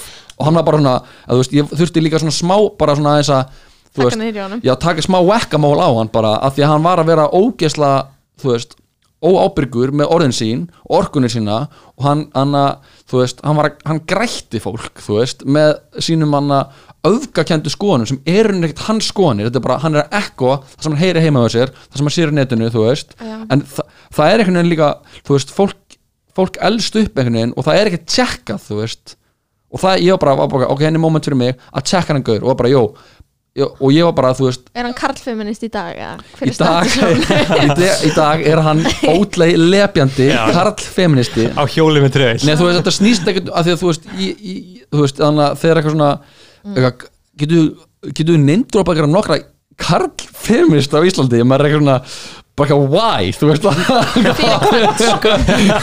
Þú veist, þetta snýst þetta er svona, þetta er einmitt sko, eitthvað, þú veist, þetta, kemur, þetta, þetta er búið, þú veist, sko, það sem skapar þetta tíst, af því maður er að hugsa um sko, hvernig verður þessi spurning til, af hverju, af hverju var einhver bara, af hverju er einhver bara, herðu, hver er alvöru Já. og þetta sprettur af því hvað þetta er falskt og að sjá það allir, Já. þetta er svo falskt. að þetta er að, að, að, það, sem er líka mikilvægt á samfélagsmiðla er að maður er alltaf þú setur eitthvað á samfélagsmiðla með þess að þú lækar eitthvað þú ert alltaf að þetta er public þú veist, ef þetta væri nafnlaust þá væri þetta allt annað.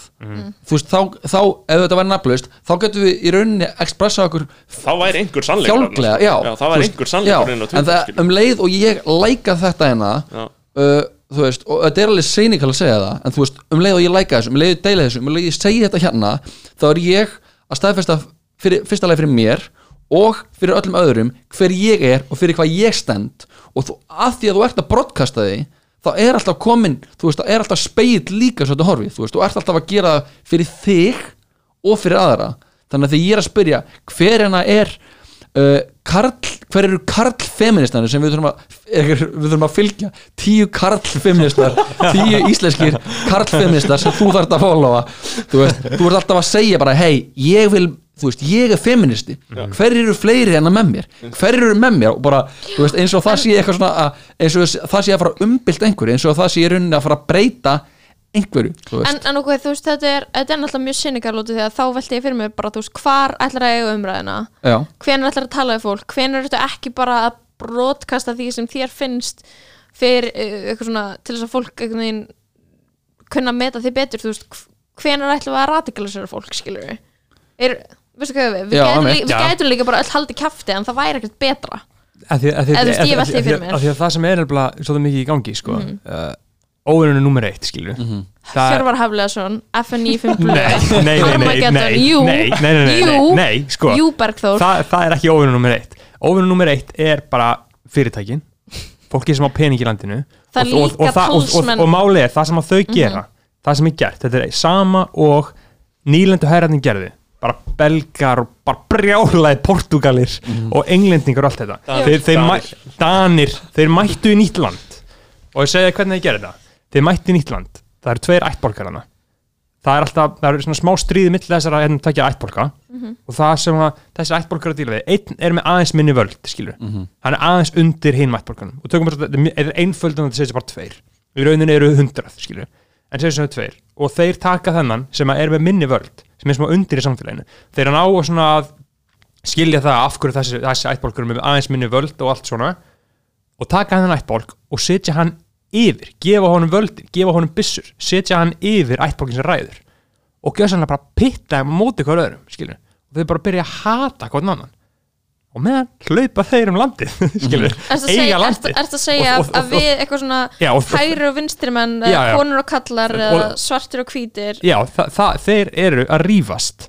Þegar kapitalismin er bara að græða pening skilur, þegar stórflutningin er bara að græða pening. Allir, það er bara að að pitta öllum móti hver öðrum eins og bara samfélagsmiðlar, þetta eru fyrirtæki þetta eru bókstala stórfyrirtæki allt og er samt fyrirtæki eða skilur en, það en, er- en, en það, það, sem það ég er segi, vandamál líka, þá, þá eru við að rífast skilur eitthvað svona, svona frekar langt til vinstri við einhverja moderates Mhm. og moderates er að rífast við hæri fólkið skilur og hæri fólkið er að rífast við miðflokkin skilur allir er að rífast við einhvern annan þegar að stóra vandamál er hann uppi Mhm. en skilurðu. er, eru hægri menn að rífast við eitthvað Nei, Þú sko, veist, þegar Nei. þú hefur skilur völdin og þegar að, þú veist, ríkjandi hugmyndufræði þér í hag þú ert basically ósnartanlegur sko.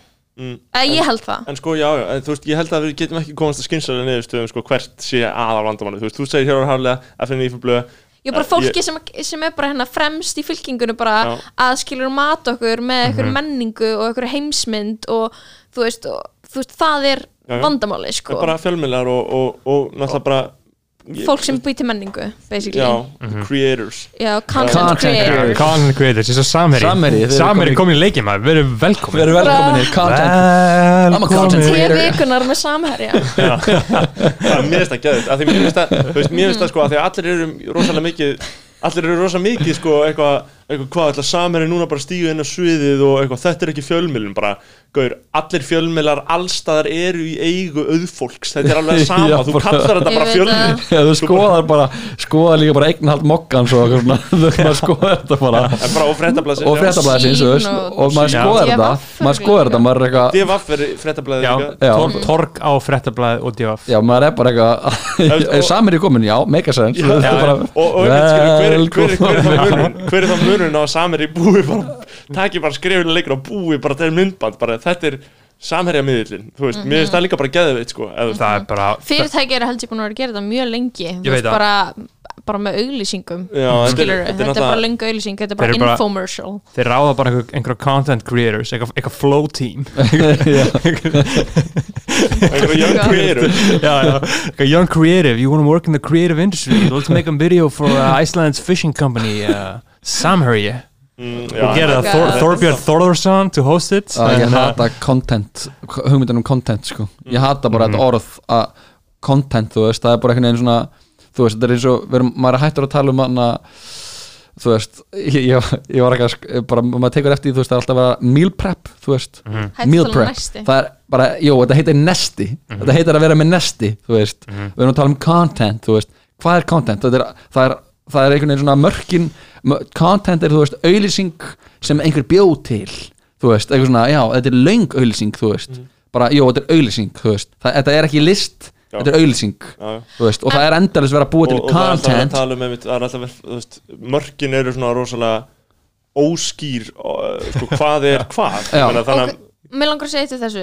Veist, veistu hvað mér fannst áhugaverð tölum að, fyrir maður aftur í annað þáttin okkar sem við erum að gera, mm Mhm. jú, fyrsta þáttu sem kemur á fyrstæðin, er að við erum að tala um atna, leynilega auðlýsingar og sponsored content og bara svona þegar þú ert eitthvað staðar, þú getur ekki þú treystir ekki lengur fólki basically inn á samfélagsmiðlum. Þegar eitthvað að sína eitthvað bara, "Ah, þetta er gott. Bara, ok, ertu að fá borga fyrir þetta skilur hvað er í gangi, allt er auðlýsing allt sem þú segir er basically auðlýsing fyrir eitthvað, mm Mhm. manni og Gíslirúnar, heitinn Já, rest in peace. var að segja ykkur King.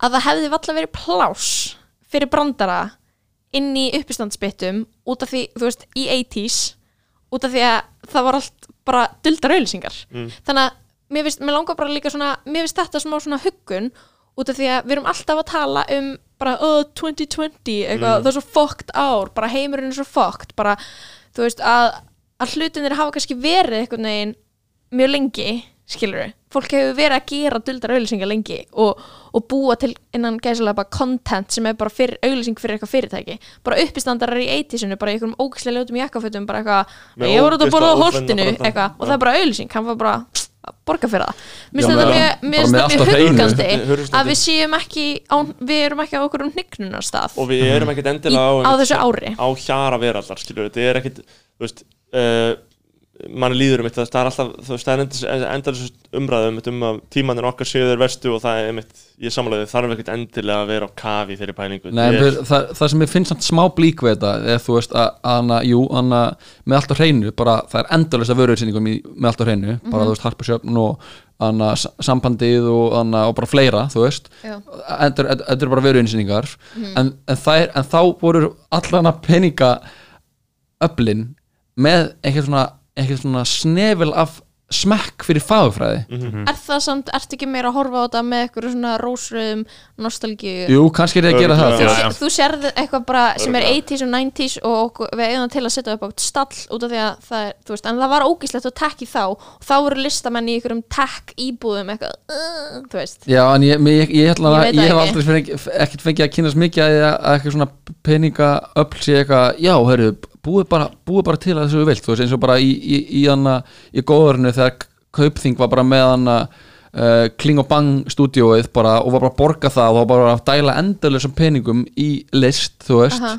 en núna bara einhvern veginn þegar við erum komið með millennial politikusa, þú veist, eitthvað eitthvað, eitthvað ungt fólk sem er eitthvað hei, þú veist, það er bara þú veist, það er bara eitthvað sem er bara eitthvað Netflix og hugsa síðan bara um content, þú veist. Þá einhvern veginn, og bara sko mý, og mörkin á milli þess að vera eitthvað, eitthvað sem er grín eitthvað eitthvað að gera eitthvað uh, og list það er bara svona, eru engin mörk með, það er engin mörg En þetta er líka sem neytandi þú veist, ég er, maður er stórneytandi efnis. Ég er bara hverja sekundu sólarþingsins það er ég að neyta efnis, hvort sem það eru í hljóði, sérst útvarp eða þá á netinu, á samfélagsmiðlum að mm eðilegja mér heilan, að ráðast að sjálfa mig. Já. og eða þá bara að horfa á myndir sem ég gerir neitt ekkert þeim ekki að lesa. Og þá er þú veist Apple auðlýsing fyrir mér, iPad auðlýsing eða iPhone auðlýsing ég horfi á það bara eins og ég horfi á þátt. Mhm. ég er bara, af því að það er bara hannig ég hef bara, ég hef alltaf bara elskað allt þetta ógeðslega viðbjörsla drast sem Apple gerir og bara þarna breska hreimskaurin bara breskir að segja- heimskjöðin, hver er það? þannig að þú veist we've created, að, þarna gaurin skilur, ég get alveg fundið röddinn hans John eitthvað, þú veist, hjá Apple uh, veit ekki John, já, Nei, veist, ég er að segja bara, ég horfa á Apple já. og þetta er sama með þessi mörg og ég er samt, Já. skilur, gef mig út fyrir að vera einhver, einhver dirtbag leftist, skilur, en sem er þú það, ert örgulega ekki er það alls ekki og ég hef Nei. líka ítrekkað að ég er ekkert ég er engin djús vinstrumæður ég er bara einhver íhaldsmaður Mhm. en ég bara, ég hugsa hugmyndinar en ég trú ekki á þær og það er sem ég var að segja á hann, skilur Mhm. ég veit að það er vandamál og ég ætti að vera að fara í gillotínið en Já, ég, þú, en þú segir sem, þú, veist, þú ert með, það er allan að það þú, veist, að, þú segir það upp átt í ykkur veist. og þú, það að, er- þú, þú þarft að checka þig sko, eins og þetta er svo gott sem að na, uh, sem Erpur var að segja í hlaðarpunum sínu. Slæki Slæki babari, babari. sem er bara á YouTube. Já, ég veit að fokkin óþónd, ég þarf að horfa á. YouTube. Uh, en ha- hann var að segja sko, uh, sem að ég tengdi svo mikið við sko, að hann bara vill segja hvað sem er, bara allt bara fyrst sem hann dettur í það, hann bara improvar allt skilur. Eins og ég geri hér, eins og við gerum hér skilur. Og síðan þegar ég læri eitthvað af þessu Já, ef, ég, ef, maður, ef, maður, er- maður, er- ef maður segir eitthvað sem er bullshit bara, já ok, finnst ég það? Mm, getur það mér akkur ok, já, vá, ég læra þessu og gera þetta ekki eftir En sko- Right. þetta er, þetta er, samt, það er, þetta er nett problematist líka sko. Hva- hva- og þú veist að bara að nota fólk í kringu þig eh, þú veist sem uh, kennara skilur bara veist, ég ætla ekki bara að lappa hann í bæ og, og vera eitthvað að tala um eitthvað rasískar stereotypur eða eitthvað, eitthvað tala um eitthvað shit sem ég veit ekki neitt um sem getur sært annað fólk. Þú ert, þú veist, það Nei, er nei. mikilvægt að hugsa áður Já, maður talar Já, líka. au- auðvitað, sko en, En ég fatt- en, en ég er að tala um eigi- maður á að taka sjensa, skilur. Já, út af því að þú veist, ef þú gerir það þá ertu allavega á einhverju liti kannski heiðalegu líka út af því að þú veist það sem mér finnst líka kannski vant- vandasmá á Twitter Mhm. og Íslandi og eitthvað svona er að fólk bara viðkenni eða bara allavega fyrir sjálfur sér, það er ekki að gera ofinbarlega að það er rasíst og hugsa Mhm. Já, rasískar hugsanir Já. og bara að við, að við hugsum ekki alltaf bara eitthvað, já, einmitt, þú veist, þetta er ekki ég út af því Mhm. að þú veist, ef þú segir þetta er líka máli, skilur, ef þú segir aldrei skoðaninar þá þarfst aldrei að bakka upp Nei, einmitt. en þú veist, að minnst að munur á því heldur en að vera síðan bara, þú veist, þetta er smá að vera kall og pláss Mhm. að vera kall og taka pláss er líka að leifa sér að gasa Ó, já. og býða að aðrir eftir að aðrir setja sér mörg Já, já, já, það er ekki næs. Nei, nei.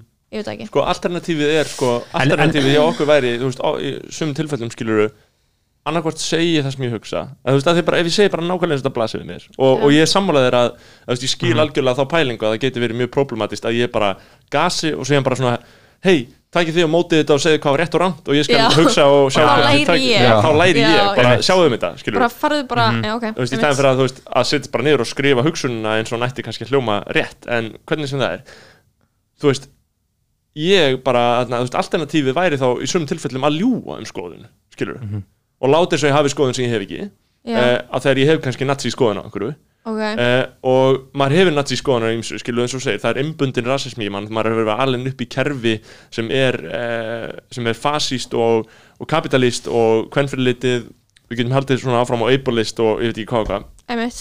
Og au- augljósla, augljósla endurspeglar þangangangur manns þau sjónamið í fullt af atriðum. Mun gera það á meðan ég lifi skilur, Hun- en, 100%. en ég er líka skuldbundin að mörgu leiti til þess að reyna bara að tala virðingu um alla skilur, ég man um daginn þá vorum við með henni þættinum bæki í einhverjum skoðanabræðarlegs þætti um daginn þegar vorum að tala um hann uh, þú ert svo fokkin leiðileg lagið Já. á þjóðtíð Með sér að bjösa, já. Með sér að Meistarar. og, og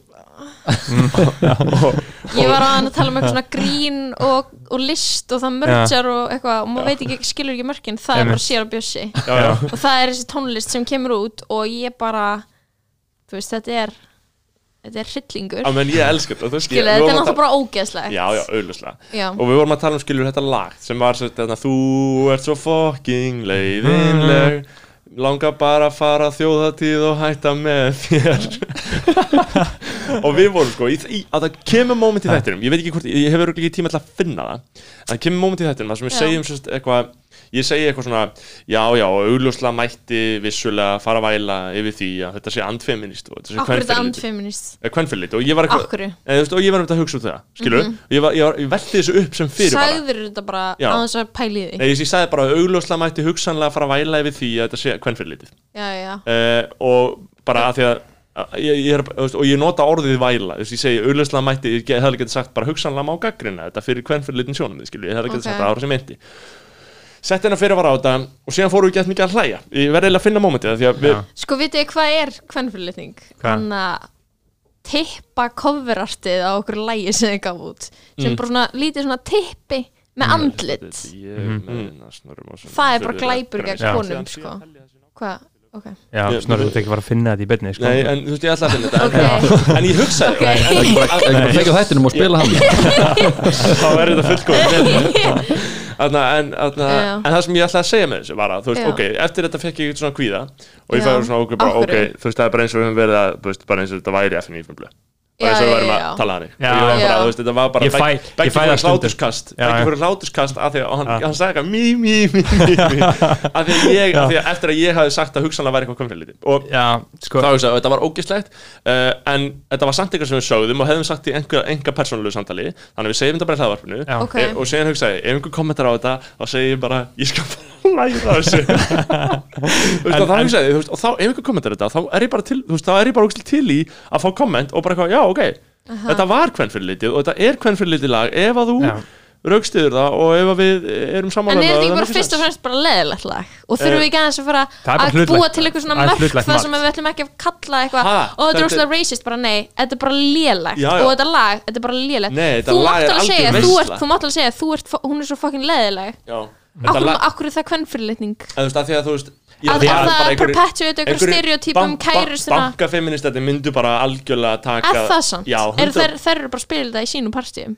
Uh, já, vissulega líka. En, og það var líka það sem ég sagði þetta veit endur spekla auðvitað eftirspurt sko, en þetta er með million plays, þetta er epist lag þetta er auðvitað mjög skemmt í eigum Hvernig er textin? Þú ert svo fucking leðileg Mér langar bara langar bara að fara á þjóðtíð og hætta með þér. og, og, og síðan er sko það sem er kannski svona að, veist, það er, ég held með minnir að sé leikin kona eitthvað "Eh", svona pyrrandi kærasta skilur, Mm. stereotýpa uh, en ég vil ekki endilega Jú, jú, jú, einmitt, já, ég skil þig. Þetta er skilur hvað Já, já, já, en, einmitt. en, en, en mitt take á þetta er skilur þú veist ég með þetta en að byrja að maður er alin upp við bara kerfisbundið rótgróið. Já, já. bara 100% maður er Bara svo- Og það algjörlega sest svo í skýrt í ungum já, kallmennum, sko. maður, er alin sér hérna Á þetta að vera mammans? Nei, Nei, hann er kærasta. að hætta með henni. Kærastan svo kemur húkin sem er geggja hana En, en, en, þú veist eru þeir ekki að innan gæsa að gera grína sjálfur sér sjálfur Svo sér, kemur fyrir að vera svona umlegir Jú, Jú, þetta er að þér. Þú fær ekki lengur að stjórna Þetta er árás á skilningavitin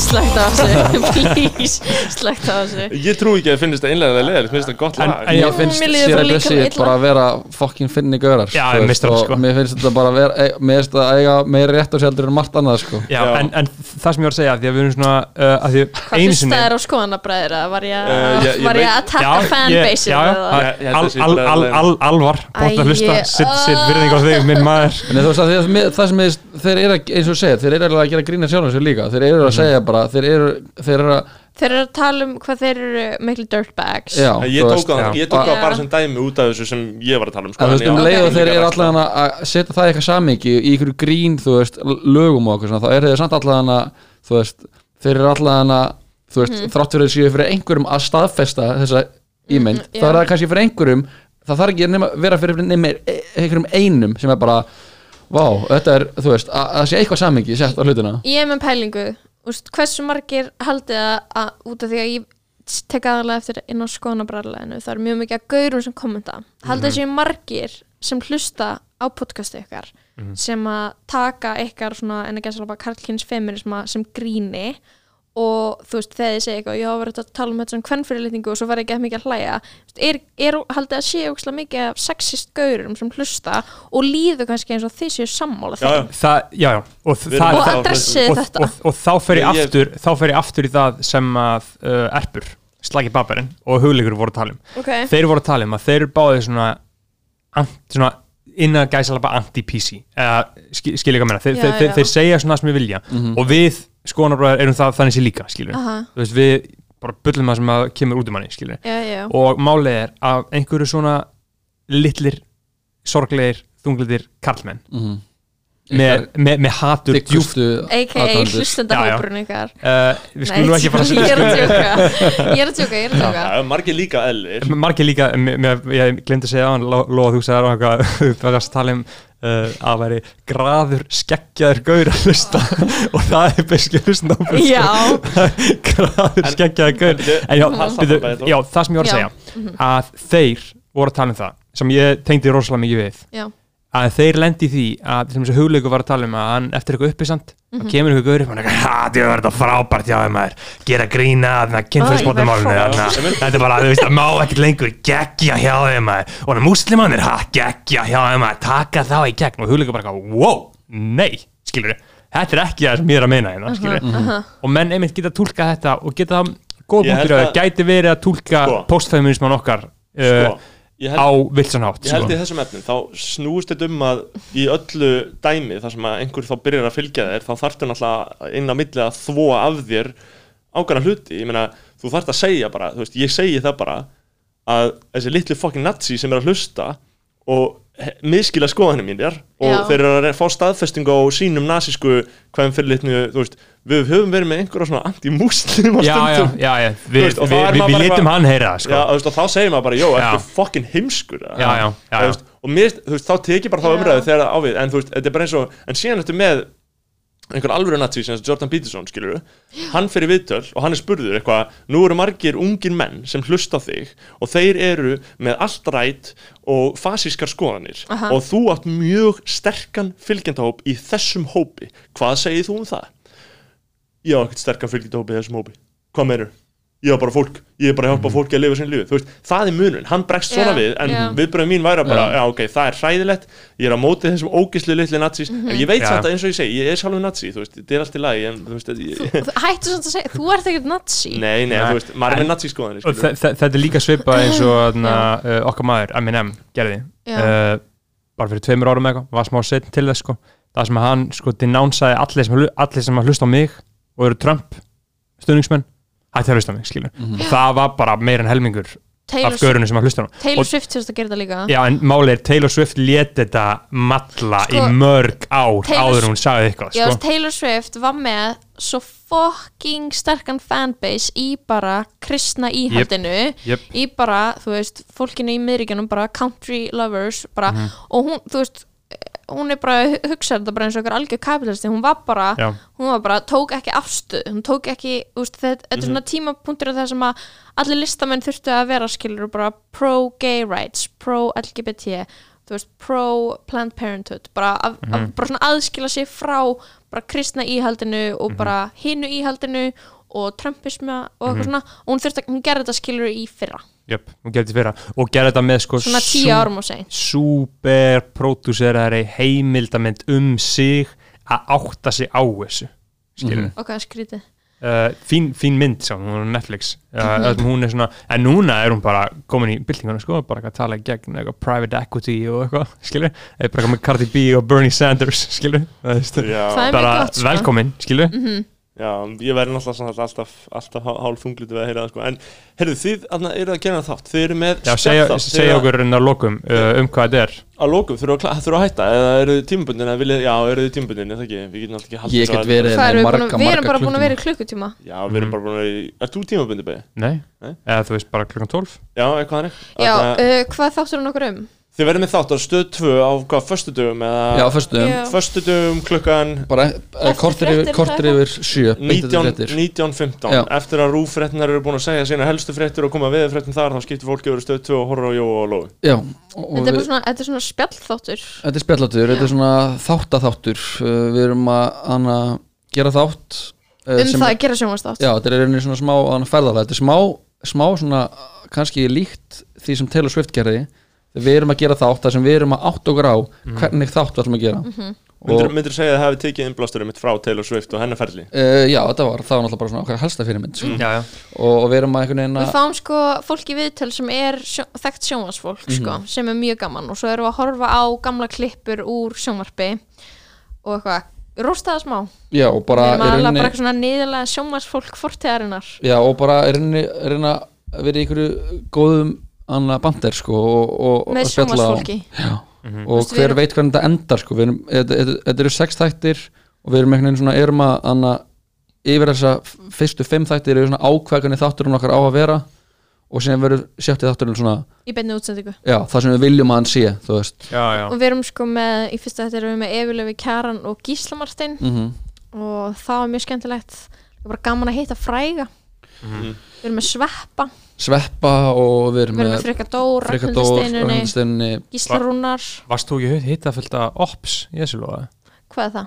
uh, það er opposition þeir sem eru á móti þér. Já, ég veit það ekki sko. Nei, eða þú veist. Þá s- sveppi, skilur það, þess að tala um á skilur svona problematist Er Svepp ekki bara Krusty the Clown Íslands eða? Er hann ekki bara vinstrimæður bara skeggjaði vinstrimæður eða? nei, hann er samt búin að tala svolítið mikið Hann gegn er- transfólki. Hann- og- samkynniðum og Nei, og- nú eru þau að vísi í einn misafnaðan podcastbrandara sem er allt annað heldur en að vera með propaganda. Ok, ég er saman þurfa að draga línuna eitthvað staðar. Ég held að þegar sem, komið tími til að breyta þá breyti sveppi rétt sko. Þú veist, já. manneskjuna sem eru með propaganda á Íslandi er Frosti Lóðarsson Nei, Þú hver, hver, hver, hver, er fleiri? En- og Jakob Bjarnar.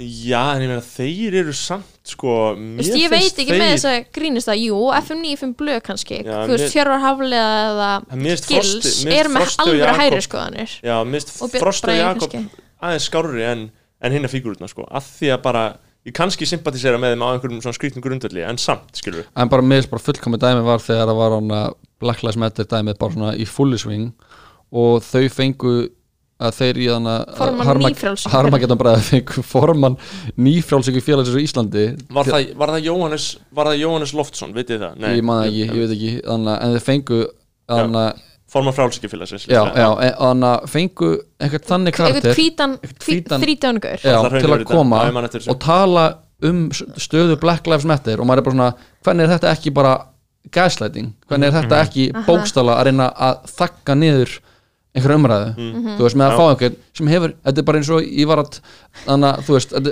þetta er eins og að fá bara ekkert pípara til að tala um þú veist, þannig að lofslagsmál, Mhm. eða bara eitthvað, já, sem að fá þennan hérna.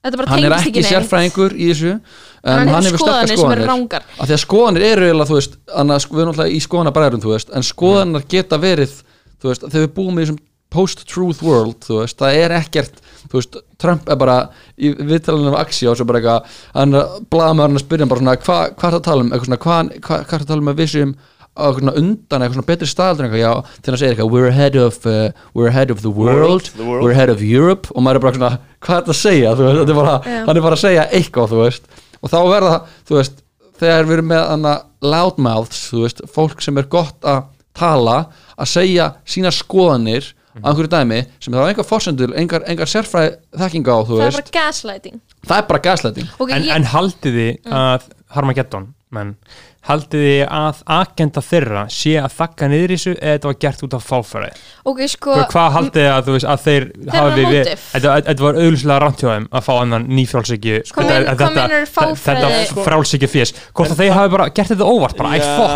við sko, Þú gerir ekkert hvað svona óvart. Ég er ekki svona, sko. sko, þú verður samt, eh, sko, ég sko, við verðum líka átt okkur að því, þú þú, þú, þú hefur hérna borið blaka sveppa, þetta var einhver eitt missunnaði brandari, ég er alveg samanlega því, en þú veist, ég, ég held að til dæmis með þetta Harmageddon dæmi, þeir eru bara að hugsa ekki um neitt annað en að búa til deilur og Clickbaits. klikkbeit og láta alla verða brjála, þeir já, vilja já, bara en það er gert en sko, me, þeir nota ógeðslega taktík til þess að láta alla verða brjála. Þeir það er vilja gert, bara að það er allir verði gert úr svo brjála mikilvæg forréttindastöðu. Já, og þú veist líka bara eitthvað út í að þeirra tala um ok, ég er, að- ég er að hitta opposition, já, bara þegar við hittum Frosta og Jakob Bjarnar í mötunetti sína Það það er story, Se- það er se- story time sko. já, já, endilega, það er- segja hvað frá því. það er bara eftir það er eftir að Sema verður fyrir aðkasti eftir að hún kólar Pétur Jóhann fyrir hann að tælensku vændiskonuna brandarann sem var í stórinni hjá bindi bara já, Nú erum við vændi að fara- strengin vændistrengin, já. Já. nú erum við að spóla langt aftur í, í tíman, það er náttúrulega bara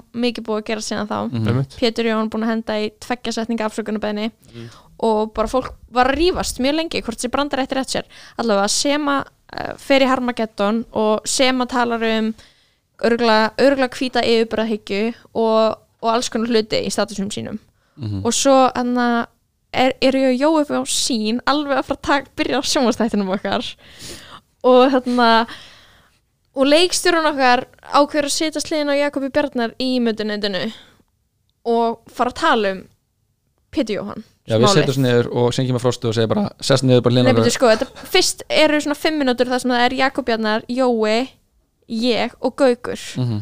Og ég byrja bara svona smátt og smátt bara fara út úr líkamannum mínum bara stíga út úr líkamannum það er bara svona eitt stærsti gasleiter Íslands er bara hérna að tala sko um að bara for, fordómar og forréttindi sé ekki til. Um, hommum sé hampað í Já, samfélaginu það var ótrúlegt þegar Og- droppaði því sko. og eitthvað svona bara eitthvað svona að, að hann tala um haffyringa í þessu samhengi nú er ég Já. að tala um enga samtal í podcasti en mér er eiginlega bara alveg sama Mm. uh, hann, hann er fjölmjölamæður skilur ok, hann, hann segir sko að, að það að gera grín að einhverjum þjóðfélagshóp sé bara svona svo haffyringabrandari Mhm. og Jói byrjar að svara honum bara fullum hálsi og það verður eitthvað svona Jói Jakob Bjarnar, Jói Jakob Bjarnar og meðan er ég bara að reyna að hverfa bara, ég er bara og, og svo sest Frosti Lóðarsson og er bara eitthvað já og joina samtalið. Já, bara það í dag? Og og bara og, right, let's get it. já, já. þetta er náttúrulega líka bara, þú veist, það verður líka að taka þetta í greina, að þetta er bara það sem þeir gera það sem þeir, þeir gera þeir bara að reyna að starta eld en Já. það er einmitt það sem mér langaði sko, að adressa hérna út af því að þetta var mjög lærtámsvíkt út af því að ég þurfti í fyrsta skipti að tala við manneskjur sem eru bara á hinum pólnum við mig bara setja með þeim í hátegisli og bara eitthvað að heyra skoðunina þeirra sem eru bara svo fucked og ekkert líkari sem ég heyri vanlega það var svo rosalega þegar hann var að og- segja og svo- það sér, þeir eru bara í forréttundastöðu Felix Bergson hún er hampað og, og svo en sko ég, þetta endaði að ég snappaði sem var bara um, Frosti Lóðarsson seg, segir eitthvað svona og til við erum að tala um rasisma hann segir eitthvað já ég meina eins og í Japan þar er fordómar gagast hvítum. Og ég er bara eitthvað þá svona kikkar eitthvað hjá mér og ég er eitthvað nei bara þú veist ekkert hvað þú tala um. Og þá segir hann já þar er gulumæðurinn ríkjum. Og þá bara svona snappaði ég. Og ég var bara svona ég bara svona fór í svona adrenalín kast ég veit ekki hvort það sást utan á mér og Jói byrjar að springa úr hlátri. Og ég bara eitthvað ég er bara eitthvað fokkaði þér segi frástalóða sinna fokka sér. Og svo segi ég eitthvað svona við alla þetta voru umulega samræður, ég vildi ég hefði aldrei verið hérna og svona rík út. Og þeir tala í svona fimm minútur um hvað ég hef verið dónaleg. En þeir fatt ekki skiluru að þú veist að það að sitja eitthvað staðar og geta rætt máli á, á, og vera bara eitthvað svona, já, við erum bara eitthvað svona að spjallum hlutina að þú veist eh, það er ekki allir þú veist, það er ekki allir það mikil forréttindastöð þeir geta bara eitthvað svona spjallaði málefni minnlutahópa á þess að taka, sér, taka eitthvað nærri sér. Mm skilur, þú getur ekki þú veist, þú getur ekki alltaf að súma að eitthvað líð ekki illa við að heyra eitthvað hluti eins og gulimaðurinn, skilur að að ég fattiði mig, Já, þú veist, já. þetta er bara svona munun á því að bara svona sitja og geta verið með bandir og, og bara aldrei, þú veist, og það, það er engar Sé hefur er implications bara á þitt líf þetta er bara já, leikur þetta er bara, hobby hjá þér þetta er bara, þú veist, grín þetta er bara fyrir svo að spila FIFA eða eitthvað. Að vera bara að tala um bara þannig að og bara þegar Jakob var eitthvað er réttur nokkur á til að móðgast meira en allra annara til þess að, að hlæja og hafa gaman? Og ég er bara eitthvað, en við erum að tala um sko að gera við erum að tala um grín kynþáttahyggju af líka. hvernig einhver lítur út og talar.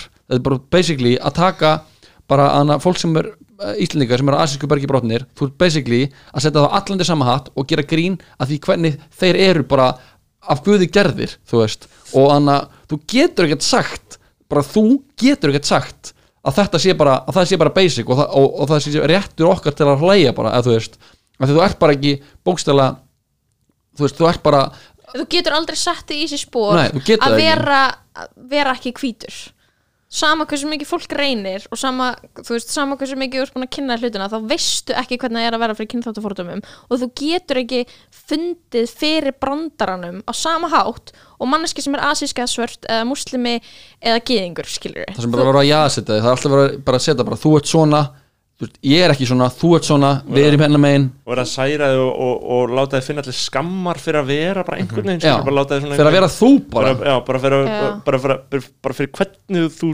þú ert. líka bara, bara líkaminn þinn. Eða þú veist, bara eitthvað svona út í því að talandi um svona microaggression út af því að mér finnst svona eins og fólk svona gera svolítið lítið úr microaggression. En microaggression eru risa stór út af því að þau eru í daglegu lífi allir í kringu það staðfesta að þú sért ekki hvítur. Já, að þú sett ekki eins sért og, ekki eins og eins og þú sért útlend, hlut- útlendingur já. eða ekki þú ert partur ekki af hluti Íslandi. af hópnum þú veist, þú ert ekki eins og við erum hérna við þennan, eigum að vera veist, og, og, og það sem er líka, veist, verður alltaf það sem hætsekar líka alltaf allir svona umræði er, þú veist, að einhver gerir eitthvað, Pétur hann gerir þetta sétt þú veist, Pétur og Björn Bræði tekur það upp og lát, það lætu það mati. á, í stóri á sér þú veist. Og þannig að við heyrum náttúrulega ekkert frá honum þú veist. Nei. þannig að uh, Pétur beist afsökunar og þannig að tekur hann smá tíma en hann gera það og bara þú veist ég, það er bara, það er eins gott að hann gera það líka bara þú veist. Að en það sem hætsekar allir umræð er að hann gerir þetta og það er einhver sem segir bara jó, þetta er racist. Og, það, og þá kemur koma því ops inn og segir hei það er mjög alvarlegt að segja að einhver sé rasisti bara jó, það er alltaf miklu, í rauninni miklu verri glæpur að vera kallaði rasisti heldur en að vera já, rasisti þú veist, það, það er það er, hana, og, og Jakob sagði hana það er mjög alvarlegt að saka ykkur um að vera rasisti og ég bara, Ég- e, það er það samt eiginlega ekki mér finnst það já. einmitt eitthvað mér finnst það ekkert meira hátta máli einhver segir bara, gauður, þú ert að vera rasist þá er ég bara, ó, ok ég held að munur á hvað kyn, það? kynnslóðum þarna Já. skilur, Já. að það er bara svona okkar kynnslóð, ég veit ekki, kannski skiljum við ekki konseptin jafn vel eða eitthvað fullt af ungu fólki, en það er alltaf svona til þessi hugmynd um að við búum í ykkur rasísku kerfi þegar að þú veist foreldrar okkar eða kynnslóðin fyrir ofan halda bara rasismi séu útrýmingabúðir Já, bara. Gen X og bara- Boomers eru já. bara rasisti það er bara einhver sem Anna sem að ös- sem að bara öskra fremur út öskrar á Já. muslima og kýli svarta af því að hann hatar þau af því að þau eru þannig á litin bara nei, Mhm. þú veist, það er líka bara að, Anna, að þú veist, það er líka bara að gera tong þú veist, það er líka bara, það er bara að segja bara að bera saman Anna kynþáttahyggju við haffrikabrandara, það er líka bara rasismi, þú veist, þetta er allt þú veist, það er, það, það er líka, þú veist það er svo mikill dualismi það er bara við hérna þú veist, rétt hugsandi eða rasisti. Og ég er hérna megin af því ég lem ekki svart fólk af því það er svart fólk þú veist. Einmitt. og það er bara einhvern veginn þessi dualismi, þessi tvíhyggja sem það þarf þú veist að afmá. Af því að til, á, til þess að bara við getum bara bætt samfélagi þá, þá, þá, þá get ekki bara verið good versus evil, þú veist, það er ekki það er bara, þetta er allur skalinn, það er allur grái skalinn sem er hann á milli. Ég er líka bara farin að halda þú veist, Jordan Peterson, Alt-Right Ben Shapiro, Milo Yiannopoulos og allt þetta lið uh, Fortjan Gaurar uh, íslenski nazistar af, af, sorry, að greið frá mér. Af hverju heldur það sé ekki pláss fyrir einhvern svona uh, íslenskan Jordan Peterson eða Milo held svona- ég að það sé ekki pláss. Nei, að- ég bara veltaði fyrir mér, Já. af, af hverju En heldur það sé ekki til? Eða þú veist, eitthvað svona einn íslensku gaur sem að talar og fólk svona hlustar á hann? Það mun koma, en, en hvað varst þú að segja? Að, þú veist, ég, er bara, þú veist, ég held skilur að við og okkur svona liberal búblan okkar og okkur svona intellectual fólk sem er, þú veist, sem er framálega í samfélaginu eða eitthvað getur ekki að acknowledge að allar þessar rótaka hugmyndir sem þessir hópar til dæmis bara já, allt þetta nafnlösa lið á netinu sem er bara eitthvað white supremacists og nazistar veist, þetta er bara fólk sem er bara þú veist, maður langar bara svo að velta því fyrir mér sko hvort að þetta fólk, þetta er bara ríkjandi hugmyndafræðin í samfélaginu okkar. Það er, það er bara, hún bara kristalliserast í, í þessu liði. Þetta er ekki öfgakenda skoðanir. Það er, það er bara borlíkandi að það er hvít yfirbarahyggja að þú veist að það sé synd að vera samkynniður Úst, það er bara erfitt fyrir venjulegt vel upplýst fólk að samt einhvern veginn svona sam, samþykja bara til dæmis trans eða þú veist, bara allt skilur Mhm. þannig að þú veist, þetta er ekkert rótaka skoðanir, ég held að við höfum svolítið svona brúðist þegar við fórum að ímynda okkur það. Út af því að þetta er allt í kringum okkur. Já. þetta er bara, þetta er þú veist, heilu vinahópanir þetta er bara, þetta er stemmingin í hafnafyrir þetta er stemmingin í grái, þetta er stemmingin í breiðolti að finnast þessa hluti, að vera basically með allt rætt skoðanir. En ég bara- veit ekki skilu, kannski er ég bara að geða þetta. Nefna þú, ég bara, ég, þú veist, ég hef hann að hort á hann að, þú veist, frekar sikk, þú veist, en ég hef hort á alls konar vídeo hjá gaurum í bandarækjunum sem hafa hann að framið fjöldamorð. Þú veist, gaurar á YouTube, það er bara, þetta horfa á YouTube, bara gaur sem frandi bara viðbjóðslegt svona fortjangörar Já, bara viðbjóðsleg fjöldamorð í Kaliforníu, þar sem að fór inn á hana, inn í svona, uh, svona sýstarlag og drap bara ógeðslega mikið af stelpum. Sem vildi ekki ríða honum já, basically, já, og hann var vídeo sér þar sem hann var að hann að horri myndaðalina og voru að tala um hann að þú veist, hann yfir, að því að hann fekk ekki, ekki aðtekla frá stelpum, hann var bara allir þessi þið, þið kastið ykkur á þessa, þessa viðustykilugu gauðra þessa, og, Chads. þessa, þessa viðbjóðslegu gauðra þessa, og ég verandi bara, hann kallaði sig the supreme gentleman þú veist, og þið, þið veitir mér ekki, ekki, ekki einu svona aðtekli og hann situr og þetta er alveg ógæðslega ljóðrænt hann situr í ykkur svona í bíl það, sko. og það er svona, svona rauður svona, Sól, já, sól, kvöldsól. er svona bjarmi, kvöld bjarmi sem, er svona, sem fer yfir andlit á honum og hann er að segja þessa hluti áður hann fer á fremur fjöldamöður og maður er bara eitthvað, þetta er er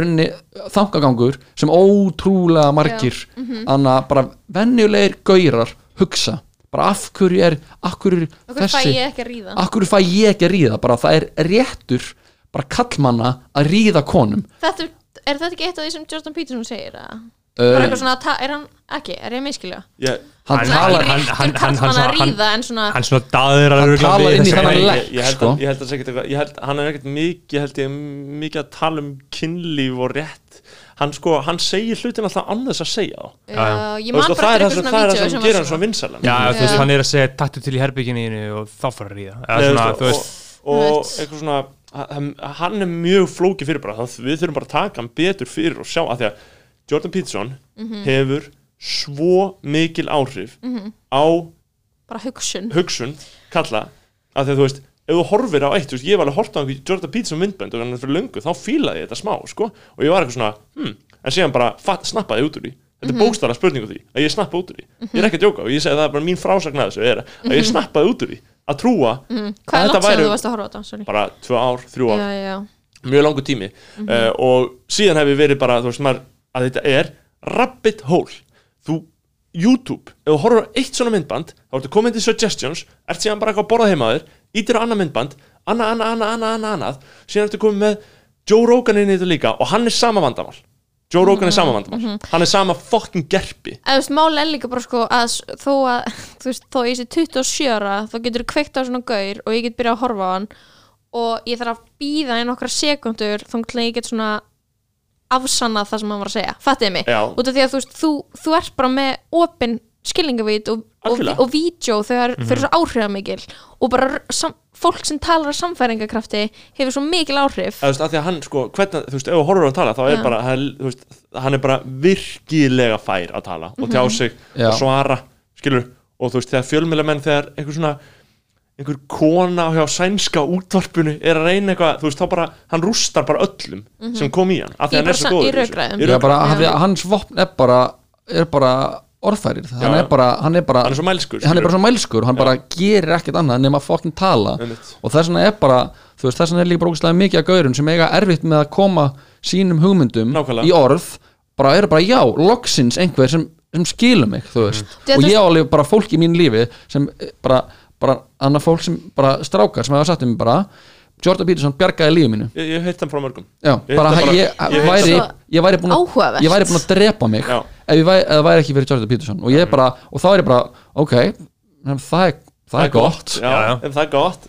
Það er gott, I guess þú þetta er samt sko sama umræða og með bara til dæmis bara Instagram áhrifvalda eða whatever skilur að fólk er bara ómótað fær eitthvað upp í hendunar algoritmi kemur með til, til þeirra og þau bara gleipa við þessu sem líka- sannleik. Þetta er svar, þetta er svar þegar þú hefur ekki svör. Ég meina þú veist, þú ert með að því að það er bara það, þú veist það er bara eitthvað í samfélaginu sem er ekki að ná utanum hópa af þessum skeggjuðu sæðis karlmönnum þeim líður eins og þessu jaðarsettir sem er bara ímyndun, það er sko ímyndun það er bara ímyndun hum, ímyndu hugmynd sem er ekki taktur raunveruleikan þeim líður eins og þessu jaðarsettir. Að þegar samfélagið er aðeins að breytast þeir falla með til stafs og hurðar uh, og eru bara eitthvað það er ekkert út skólakerfið. Þeir nenni ekki að læra þeir nenni ekki að fara inn á vinnumarka þeir nenni ekki að hlusta á Íslandika þeir nenni ekki að hlusta á íslenska lesa íslenskar bækur eða uh, hlusta á kennarana sína eða hvað sem það er. Þannig að þetta kemur og þetta er bara eitthvað já ok, þetta er bara content sem er bara hljóma bara skinsanlega loksins. Það er einhver að segja eitthvað rétt. Það er líka bara eins og, En eins og í að- hana, sorry, hana ég hlusta á hana Óla Steff hjá Sala Tryggva svo fucking gott shit sko. Geggja, geggja podcast. epist Já, sko. Hana, og það er, þar er hana að þú veist, ég held að það sé alveg svona gett fundamental. Það sem er að í þessu öllu saman er mentakerfið það og líka. hana okkar vesti óvinnur aðalnámskrá eins og hann var að ámaður, aðalnámskráin bara fuck aðalnámskrá aðalnámskrá, sko. af því að þú ert, þú ert alltaf að hana þú veist, það er þetta dæmi þú veist, hana, þú ert alltaf, það er bara þessi rammi hana, það sem allir er að gera það sama þú Já. veist, og hana félagið minn var að vinna uh, í gr- grunnskóla var að venni sem smíðakennari í, í afleysingum. Og það var eitthvað strákur, lítill strákur sem var ógæslega mikið þannig að hefðuna vandamál. Hann var óbyldsfullur, hann var bara lítill strákur óbyldsfullur og hann var bara, var bara á, á bara skjön með allt. Hann var alltaf komin í smíðastofu og, hann, og, hann, og síðan sagðist hann félagið mér bara, heyrðu, getur hann ekki bara verið hérna? Hann getur bara komið hingað til mín, þú veist viku og hann uh, bara fengi út á sinna, vera að smíða og, og eitthvað svona. Og, og hann fekk að gera það og síðan stundum kom hann ekki. Og hann var að spyrja, akkur, kom hann ekki? Bara, að því hann var óþekkur og það mátti hann ekki koma. Og hann bara, heyrðu, ef við erum alltaf að refsa fólki þú veist, alltaf að búa til eitthvað svona já, ef þú gerir þetta, þá fór ekki að gera þetta þá, við, þá fór aldrei að komast að því hvað virkar, þú veist. Þannig að hann segir bara annarkvæð kemur hann eða kemur ekki, alltaf, þú veist. Og þá var hann fekk að koma og kom bara til hans þrisa fjórum sem í viku og var bara að djöblast, þú veist og, krakk, og kennarinnir segir bara að þetta hafa bara svo nýtt barn. Veist, þetta hefur, þetta hefur svo sturlu áhrif og það er, Það líka, það er líka þessir gaurar, þú veist, sem finnst þér aldrei þú veist, það vantar alltaf ekki tilgang það vantar, þeir eru ekki ekki svona bók ekki, ekki svona bókfærir, þú veist, það er ekki bara þeir eru ekki bara að fara í nám, þú veist þeir eru ekki bara að fara að gera þetta, þeir eru ekki bara að fara að gera þetta. Það er bara, það, skólakerfi hefur bröðist þeim líka, þú veist, bara að þeir hafi einhver, einhver tól til að einhvern veginn að að gera eitthvað við sig, þú veist En veitu, okkur er haldið þið að uh, að strákar fitt svona illinni í skólakerfi en ekki stelpur Já, ég bara Og þú ekki veist ég, að ég, mér ég, fannst ég, ég held ekki sko en, En þú veist, hvað, varst þú góðan Já. en, en það, það er Nei. svona svolítið mikið svona uh, svona verið að tala um það Já, þú veist, Já, al- já, almennt það, sko, að- um orðræðan er Já. svolítið svona að Það strákar er farin í narratívan, sko. skólaker, skólakerfi Já. og skólakerfi þannig að fokkar þeim upp en ég held að gera alveg líka það sama við stelpur, ég held að bara sjáum þú veist, niðurstöðunar öðruvísi. Já, Einmitt. en það er bara eins og Óli sagði bara eitthvað svona að þú veist að 60%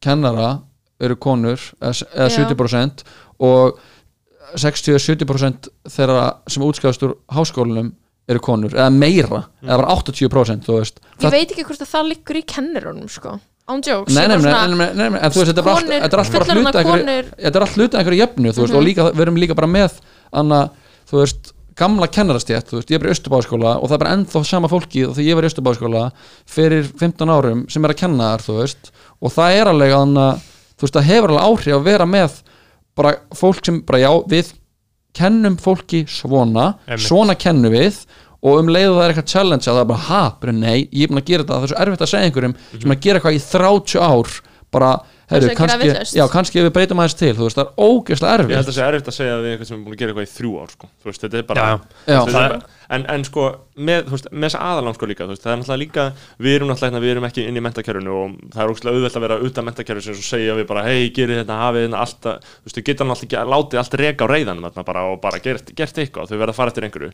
Þú að aðlaga eitthvað. En þetta er samt líka með stelpunar eins og þú var að segja, þú veist, hver er munurinn? Akkur eru stelpur að, að þú veist, akkur er ekki, þú veist við erum allan ekki mikið eitthvað að ræða að stelpur séu mikið að verða utanveldu í, í skólakerfinu.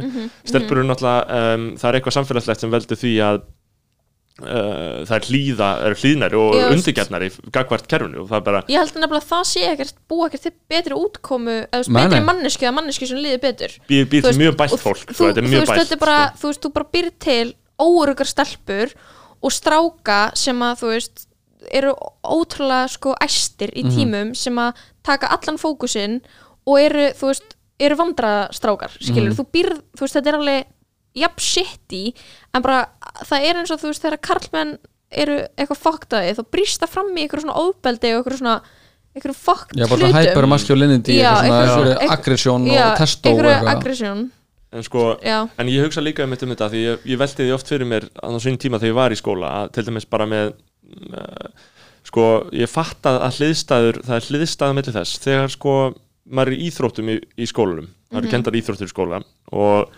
það er langa oftast bara er þetta bara fótbolti eða körbolti og þessar basic íþróttir og þeir sem eru að æfa eru þá góðir og þeir fá þá hilli íþróttakennans uh, og það er bara svona það er náttúrulega au- augljóslega vandamála þegar íþróttunar eiga að vera einhvers konar tæki til þess að fá alla til þess að hreyfa sig og alla gera eitthvað. En þannig ertu augljóslega bara með að fólki sem skara fram úr íþróttum þegar það mun njóta sinni í íþróttum og hinn er verða bara gerðveikt jáðasettir og líður bara illa. Illa slæmir á því bara að það versta í heiminum að vera bara í einhverjum íþróttatíma og það er bara eitthvað fólk að kasta bolta í þig Já, eða eitthvað og bara, og bara fyrir sund er bara, fyrir, er bara martröð þú Já. veist, bara bæði þarftu Veist. líka bara að sína líkamæðin og þú og, veist bara og þannig, þú veist, þannig er augljóslega konseptið með íþróttatímanum að bregðast algjörlega því að hann bara gegnir engu hlutverki. En á sama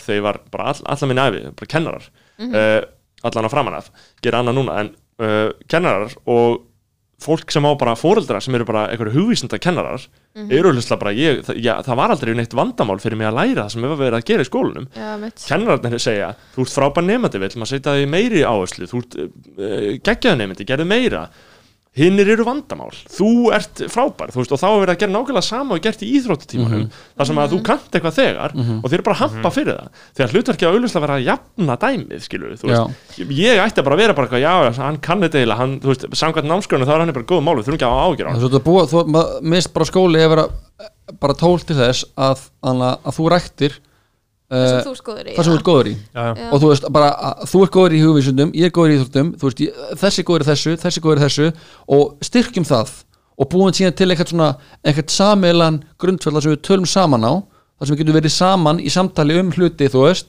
að ræða málin og ræða hvernig okkur líður, þú veist að það er líka, þú veist, ég anna, þú veist, mér finnst bara mér finnst alveg svona smá magna bara, ég tala um því ég fór að gefa út rappi fyrir skipti, fór að tala um kvíðamenn, þú veist og, og ég áttaði mig ekkert alltaf á því en þú veist, það var anna, það var ekkert mikið verið að gera. Fólk var ekkert að segja hvernig því bara gaurar voru ekki að segja hvernig þeim leið. Og, og núna er alltaf að koma bara, bara Facebook statusa frá einhverjum gaurum sem eru bara, eru bara að gera bara, bara langa, langa statusa um hvað eru kviðnir. Af því þeim líður eins og þeir séu þú veist, þeir fyrstu til að líða það þú veist, en það er líka bara því að umræðan er ekki, við tölum ekki um þú veist, það er ekki hluti af skóla að tala um hvernig manni líður að tala að þekka sjálfan sig, þú veist. Að því að til þess að, þú veist til þess að búa til almennilegt samfélag það þurfum að vera með að hópa fólki sem þekkir fyrst og fremst sjálft sig. Að því það eru svo margir sem þekkja ekki sig vaða bara áfram í einhverju hugmyndum hvað hva, hva er eftirsóttanvert. Ég er að reyna að vera ríkur, ég er að reyna að vera svona ég er að reyna að ríða og vera ríkur. Það er það sem ég á, á að gera, þú veist. En það er bara því þeir bara fólk fundamentally þekkir ekki sjálft sig veit ekki, þú veist, hvaða mann eða konu það hefur að geima og þar leðandi er það bara án verkfara í þessum heimi. Það, vei, það hef, veit ekki það er, það er að vaða bara í engum skóm, veist, það er bara að vera að lappa bara einhvert, bara já, henni er heimurinn gjör svo vel, þú veist, og þá væntalega sér það bara annars skærasta ljósi sem er bara annað hvítusu snekkjunar og, og, annað, og bara fínasta lífið, þú veist, mesta einstaklishyggjan og bara það sem við búum til sem þessa hugmyndum hvað er eftirsönnumvert og væntalega bara ferða bara þangað, þú veist og þessi vegur er bara tróðfullur af gildrum sem er bara allt sem við erum að tala um sem er all, allar þessu hugmyndafræði sem við getum fallið inn í það var að reyna að draga þið hinga, reyna að draga þið hinga það er verið í rauninni að reyna veist, að koma þér inn í kassan sem hendar fyrirtækjanum og, og sama tíma eru aðri sem er einhvern veginn svona einhverjir svona thinkers, þú veist Jordan Peterson, þessi gauður á Joe Rogan þessi thinkers sem eru að virkilega að tala um hlutina, þú veist þeir þeir eiga það til bara að jaðsetja þig af því að þú þekkir ekki sjálfa þig. Þú, fær bara, þú veður bara inn í einhver hugmyndafræði og það hefur verið bara haldreipi það er bara, það er bara nákvæmlega sama af því að, bara af því að skólakerfið bregst í Af því að skólakerfið- leifa þér að kyn- kynna sjálfur og, og rækta það sem þú ert þú veist, af því að það er það sem, við, það sem allir hafa það er svona, þú veist á ég oft mjög erfitt með að segja að einhver sé vondur þú veist, af því ég veit að þannig innst inni er einhver mannlegu kjarni sem er eitthvað sem við höfum eiginlega öll og, og, og það er, mér finnst bara genuinely sorglegt þegar fólk fullkomlega vanrækja það og fer bara að vaða áfram í einhverju hugmyndum því sem þú veist, einhver annar bjóð til fyrir þig þú veist, þú er bara já, akkur þú ekki að tala um þetta, akkur þú ekki bara anna, og, og, þá, og þá og þá förum við í þetta dæmi sem þú talum bara það er bara rifrildi, bara skoðanaskipti í, þessi rífasti þennan, þessi rífasti þennan en engin raunverulega þú veist, allir vilja vinna fyrir aðra engin vil vinna í sjálfum sér, þú veist. Sem er bara, það er bara það er það, það, er það eina sem skiptir mála því, þú veist, maður þekkir svo mikið af fólki fólki sem er ógislega successful fólki sem gengur, ógislega vel í öllum sviðum. En ég veit bara að þegar það kemur heim á kvöldin það er það bara einmanna og það er ekki sjálfum sér nægt það er ekki, það hefur ekki að þú veist, alltaf dæmi sem maður, maður, maður heldur að þetta ríka fallega fólk hafi, það að, hefur það ekki. haldið þið að eins og með skólakerfið, þegar við erum að tala um að breyta því og Óli Steff er í eitthvað innblási viðtala sem er eitthvað tveir kallmenn að gasa um hvernig skólakerfið á að vera og ég Aha. hugsa bara, þú veist, þetta er, þetta er að koma úr, ég veit ekki, þú veist, hversu mikla hann hefur, hann hefur kannski alveg einhverja reynslu af sjálfur skólakerfinu, hefur verið eitthvað bakstreiði. Hann er búin að vera með námskeið og er kenna bara. hans helsta hugðarefni í Já, þú veist, ég er 10-15 ár. ekkert- ég er ekkert að grafa undan því en haldið því að veist, raunhæft að skólakjörið geti á einhverju tímúti mætt þessum uh, loftkendu pælingum okkar. Og veist, ég verð að segja þetta því að þú veist, ég var í svona basic grunnskóla svo fyrir MR sem er bara þú veist, ef þú vilt bara vita hvernig skólakerfið bara, þú veist, mótar hausina á þér og reynir að steipullum í sama mót, það er bara MR en svo fyrir í listnám, þar sem maður þurfa að aflæra MR hugsununa sem er eitthvað svona að reyna að gera allt rétt þú veist og þá er maður að reyna að finna skilur hver maður sjálfur er og hver manns kjarni. Veist, það er bara listnám já, sem við fórum í allavega, sem er geðveikt en það er náttúrulega ekki allir búin að fara í gegnum það. Ef fattuði mig. Þú veist, þannig að ég held að, að að mentakerfið sé ákvörð núna bara endurspegla hvað, bara gildismætti í samfélaginu. Það er bara endurspegla bóknám er mest prestigious og yðnám er fyrir þig eða þú ert of heimskur til að vera í bóknámi. Þetta bara fokkar allu upp. Þá upplifur bara að geða eitthvað skömm eða finnst- þú finnur ekki hefur ekki áhuga og ge- gengur ekki vel í þú veist, það þurfa ekki þurfum ekki að útskrifa svona ógeislega marga lögfræðinga og sálfræðinga og, og og viðskiptafræðinga og eitthvað, þú veist, og hvað bara var að svona gera fólk fyrir allt þetta og fólk? Þú veist, ég er ekki að segja alveg allir þetta logið fara í yðnám ég er ekki að segja að þú veist En bara bara eitthvað svona, þú nýtt, finnur- eitthvað annað. Já, eitthvað svona, það er svona að finna sjálfa þig en ekki að fara í læknisfræði, eða reyna að fara í læknisfræði því að mamma minn pappir er læknar eða þú veist, Og bara eins og þetta er- líðháskólinn í Danmörku. Það er bara meðist að vera, þú veist, það er í hverju viltu vinna bara, ég vil vera, ég til að fara í íþróttir ég til að fara að læra smá kvimnadót ég er til að fara í þetta, þú veist, Mhm. það er bara svona það er bara svona samsuða af alls konar dóti sem á þessant samhæld að það er verið að hjálpa þér að einhvern veginn að fóta þau bara í sjálfu við bara fá okkur skills. Einhverja skills. Þess vegna finnst mér, ég, mér finnst þessi líðháskóla geggjuð pæla Þetta er bara frábært. Þetta er bara fucking ég, ég get ekki ímyndið mér neitt skemmtilega í heiminum sko. Mér langar svo í svona líðháskóla sko. Já, menn, þú veist, mér ég líka, líka. þú veist, ég var bara fokkin Já. til í að bara fara í líðaskóla, vera bara með einhverjum, einhverjum hressum, hressum krökkum, bara að gera eitthvað skemmtilegt. Dana, get ég farið í líðháskóla? Þú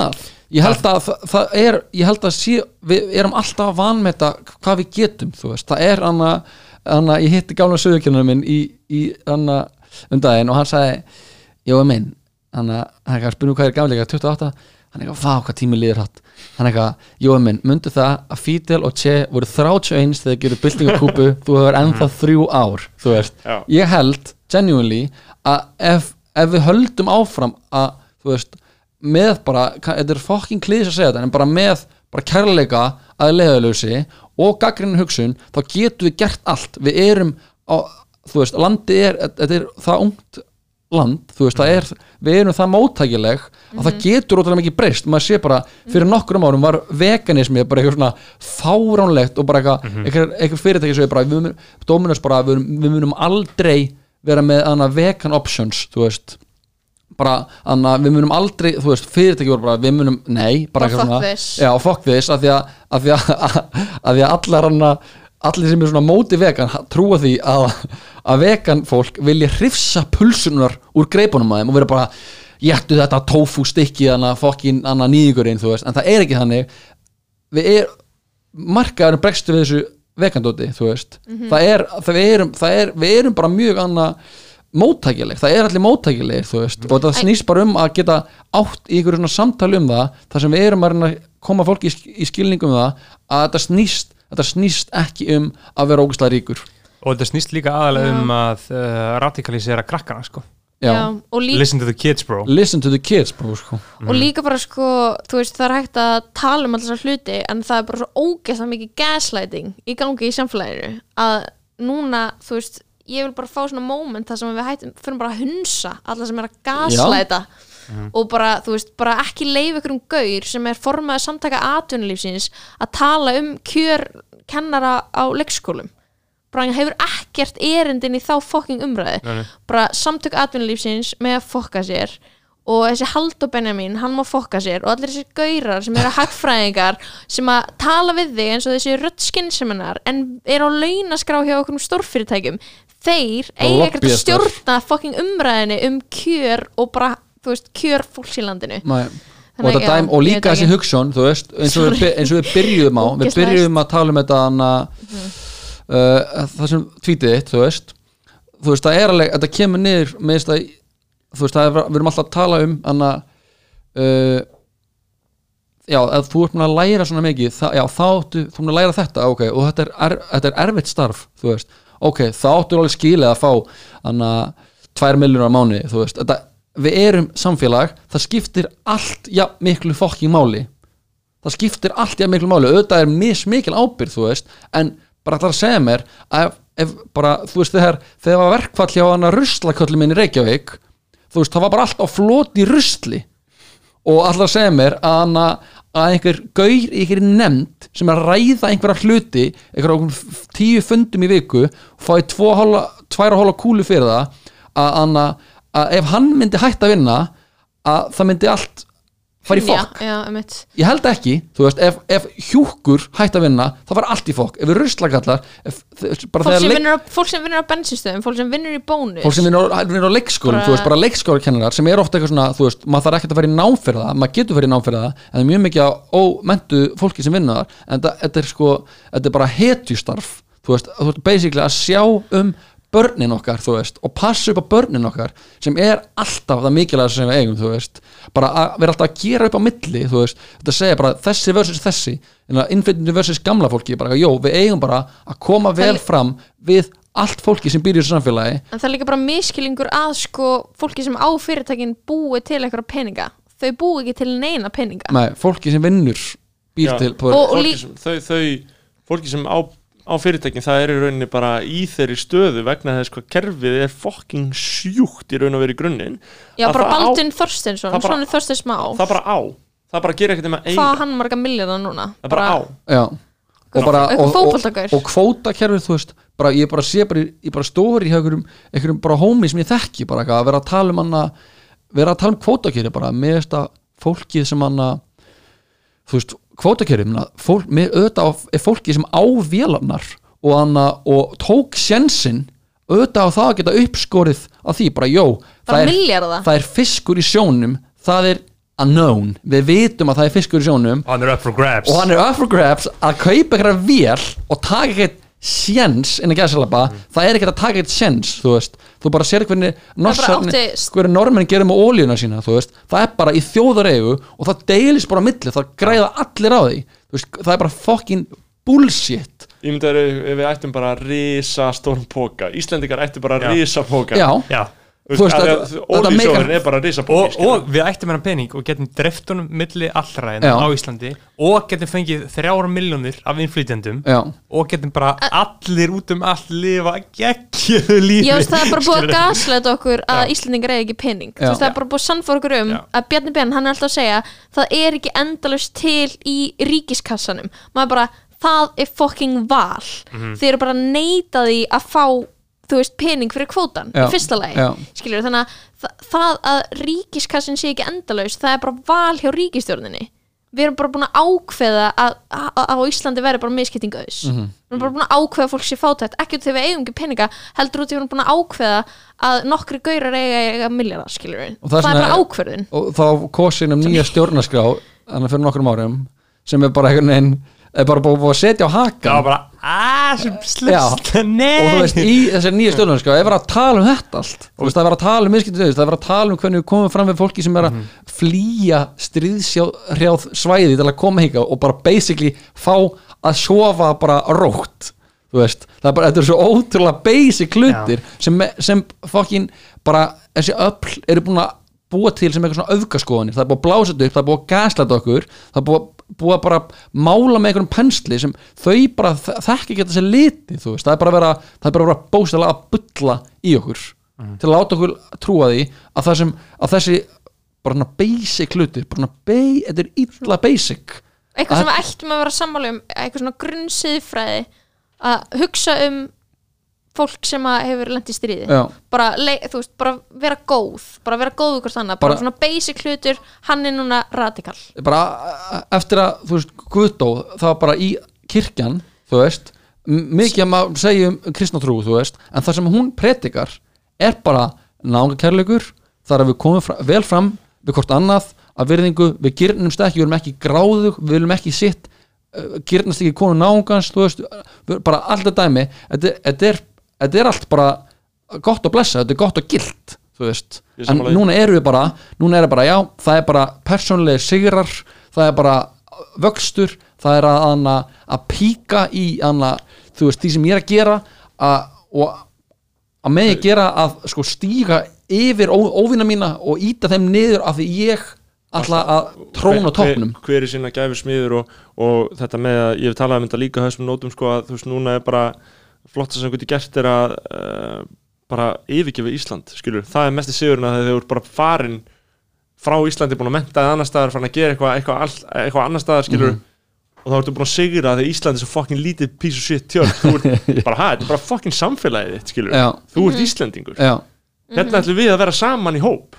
Þú þarft ekki að til þess að þú getur fengið nýju miljónur á mánuði hjá einhverju þýsku fyrirtæki skilur við, hva, hvar erum við komin? Þú veist þegar það er, akkur, hvernig myndir við vilja vera þar frekar en hér, skilur við það sem að amma en og afi búa, skilur En ég meina þú veist, í mörgum tilfellum þá bara lendir líka fólk á vegg, skilur út af því að þú veist, þú vilt frekar ráða gaurin sem fór í melaskóla, MR og HÍ í, sem er kannski bara nett bara ógeðslega heimskur í hausnum á sér, bara set, hann er á alþingi en ekki fólk með hugssjónir Æ, Já, skilur, og þú veist, það er bara er allstaðar sem að með fenntegli, annað sem við- annað sem við höfum rætt líka er einmitt þetta að auðvitað þurfa aðstæður að vera hérna þannig á Íslandi að skilur mjög kompetent fólk vilji Mhm. bara taka þátt í einhver veistlu hér skilur en sé ekki bara hvað, já ok, það er bara ekkert að þessu sviði hérna, þannig að við þurfum bara En það kemur líka að einhverjum tímbóta sem fólk viljast bara svona hægt að, að missa trúnuna mm, þú veist, það er bara eitthvað, já, þannig að ég er bara fólk er bara, já, hér mun ekkert breytast þú veist, en um leiðu byrjar að hugsa það þá ertu bara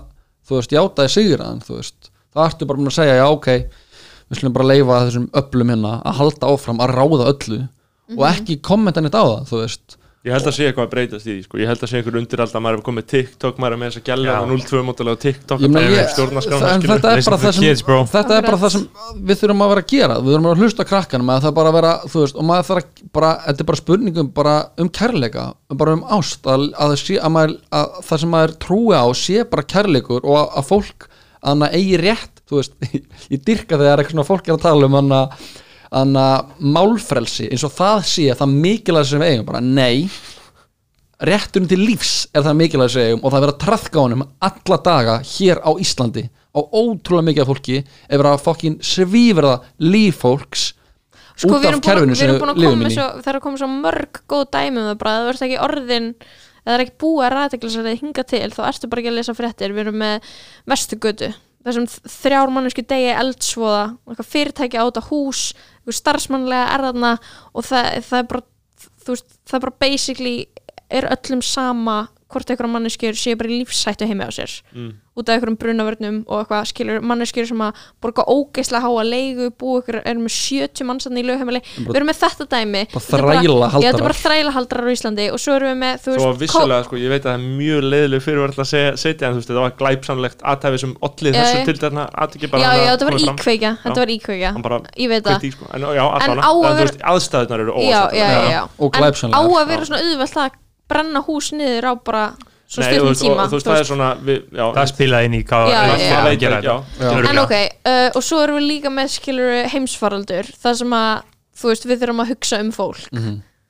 Og bara ríkistjórnin gerir einhverja aðgerra sem hagnast bara fyrirtækjum. Og þú ert bara með skilur bara með sannanir fyrir því að kerfi gangi ekki upp eins og það er. Mhm.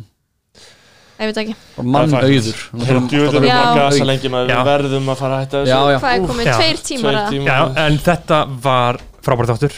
Uh, Þið eru að gefa út sjónvastátt Í kvöld, tölum um Hvað er Já. svona, bara að lokum Hvað, hvað er helst í lærdomun sem hafið lært á því að gera þessi þættir? Búin að gera fimm þættir núna. Mhm. uh, Hvað er svona stendur upp úr hjá okkur?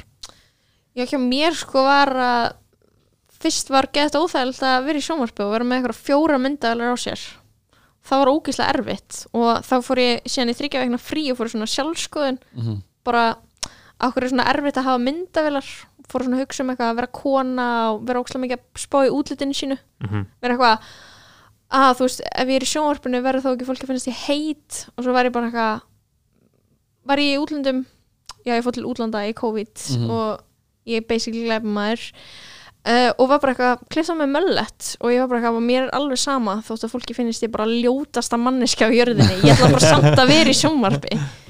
Bara fuck it skilur ég nenni ekki að spá í þessu fucking lengur sko. En það er mitt líka sko, ég held að í, í svona allri fjölmjölum þá snýst þetta bara um að venjast, skilur já, Ég er svo vanur í að segja bara, ég, ég er ekkert að hugsa um að ég sé að tala, um- tala í hljóðnum einmitt núna. Nei, Á meðan einmitt um leið og það eru myndaveli, ég lendi í þessu, þegar það eru myndavelar inn í herbygginu, þá er maður eitthvað orka sko. Ok, þetta er eitthvað öðruvísi núna í gangi, skilur En þú, Jói? Eh, Ég veit það ekki. Ég eiginlega neitt. Eiginlega neitt. Nei. eða þú veist, ég, þannig að þetta brókslega gaman og þú veist, ég og Lóan alltaf að vera saman í lengi og, og, og bara þetta að byrja bara í TV og, og ég náttúrulega, þú veist, var í öðrum þætti í byrjun sumars og þú veist, ég þannig að mér finnst það bara gaman sko og þannig að langar að vita hvað fólki finnst um þáttinn. Það er kannski líka eitthvað, við erum búin að horfa á hann og við erum Já, eitthvað, og svo eitthvað veit ég hvort að fólki að þessari finnast það skemmtilegur eða ekki? Fattar við? Já, þú það er eitthvað sem kemur í bara, ljós. það kemur í ljós. Þannig að, Þarna, ég ætla að setja eitthvað lag Jóhann, og Ló, takk fyrir að koma. Þetta var- var aðeinslega að fá okkur. Uh, við viljum minna hlustundur á, við bara hlusta núna í tvo klukkutíma, við erum patreon.com, það eru þrjár áskiptaleðir, Mm. uh, það eru stóru hlutur á leiðin í haust, mikið að fara að gerast, mikla breytingar uh, Ég var að flytja í skeggjagötu Einmitt, uh, Jóhann Ég er að koma að kíkja, ég þarf að koma að kíkja í húsi fluttur á uh, fæðingastað okkar bara skeggjagata 69 Gæðið verðvars uh, Já, þannig að tjekkja okkur patreon.com skástrík skoðanabræður. Uh, fráls fjölmiðlun, þú farið ekki neistar annars þar þú veist, Rúf gæti ekkert verið að byrta þetta sko, haldið það? nei, Nei, ég, Ég, veist, ég, ég held ekki sko. þeir, Það sem þeir eru að gera fyrir unga fólki er að bregðast unga fólki Jep. Ég held að það sé óhætt að segja það. Rást, rást 2, Rúf 0 bræðast unga fólkinu uh, þau, takk í trekk sko. Þetta er slagur, rúf, breiðumst á hvernig degi. Já, Er það guð bless ykkur. Já, Takk fyrir mig. tjekkja okkur á Patreon. Takk fyrir okkur. Guðblans ykkur, takk hjá fyrir komuna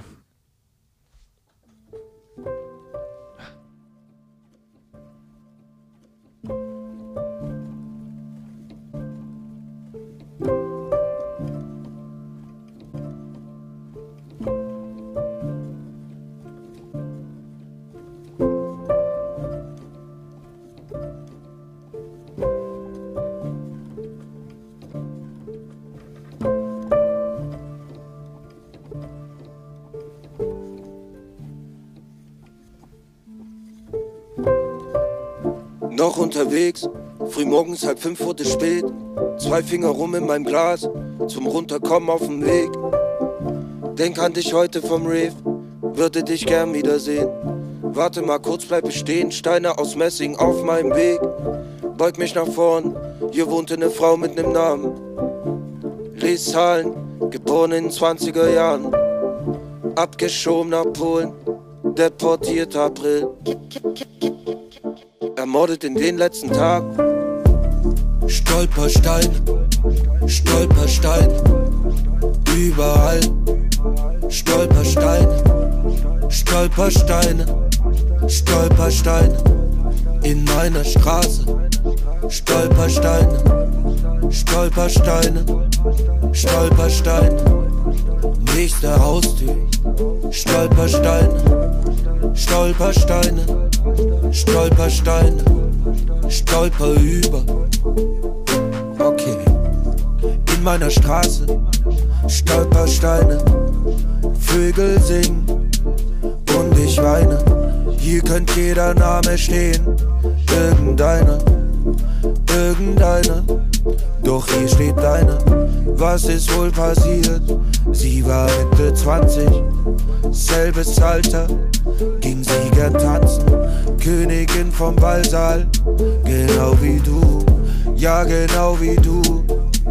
Queen im Club, setz mich hin vor ihrer Haustür. Sie ging ein und aus hier, saß sie auch hier, hier im Viertel, wo jeder jeden kennt. Stell mir vor, wie sie mir ein Lächeln schenkt. Ob es wohl so ein Morgen so wie dieser war. Straße menschenleer, als der Wagen kam. Reifen quietschen, erste Straßenbahn. Alle schauen, doch kein Licht geht an. Stolperstein, Stolperstein, überall.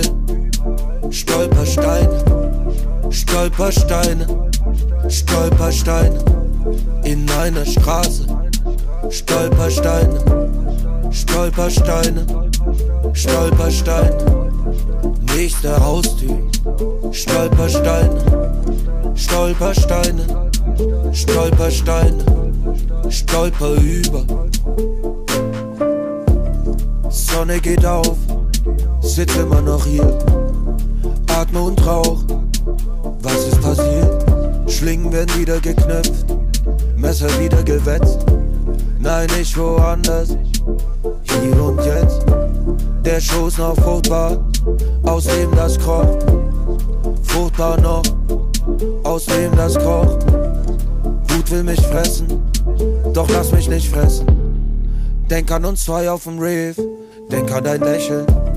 Stolpersteine, Stolpersteine, überall. Stolpersteine, Stolpersteine, Stolpersteine, in einer Straße. Stolpersteine, Stolpersteine, Stolpersteine, nächste Haustür. Stolpersteine, Stolpersteine, Stolpersteine, Stolper über.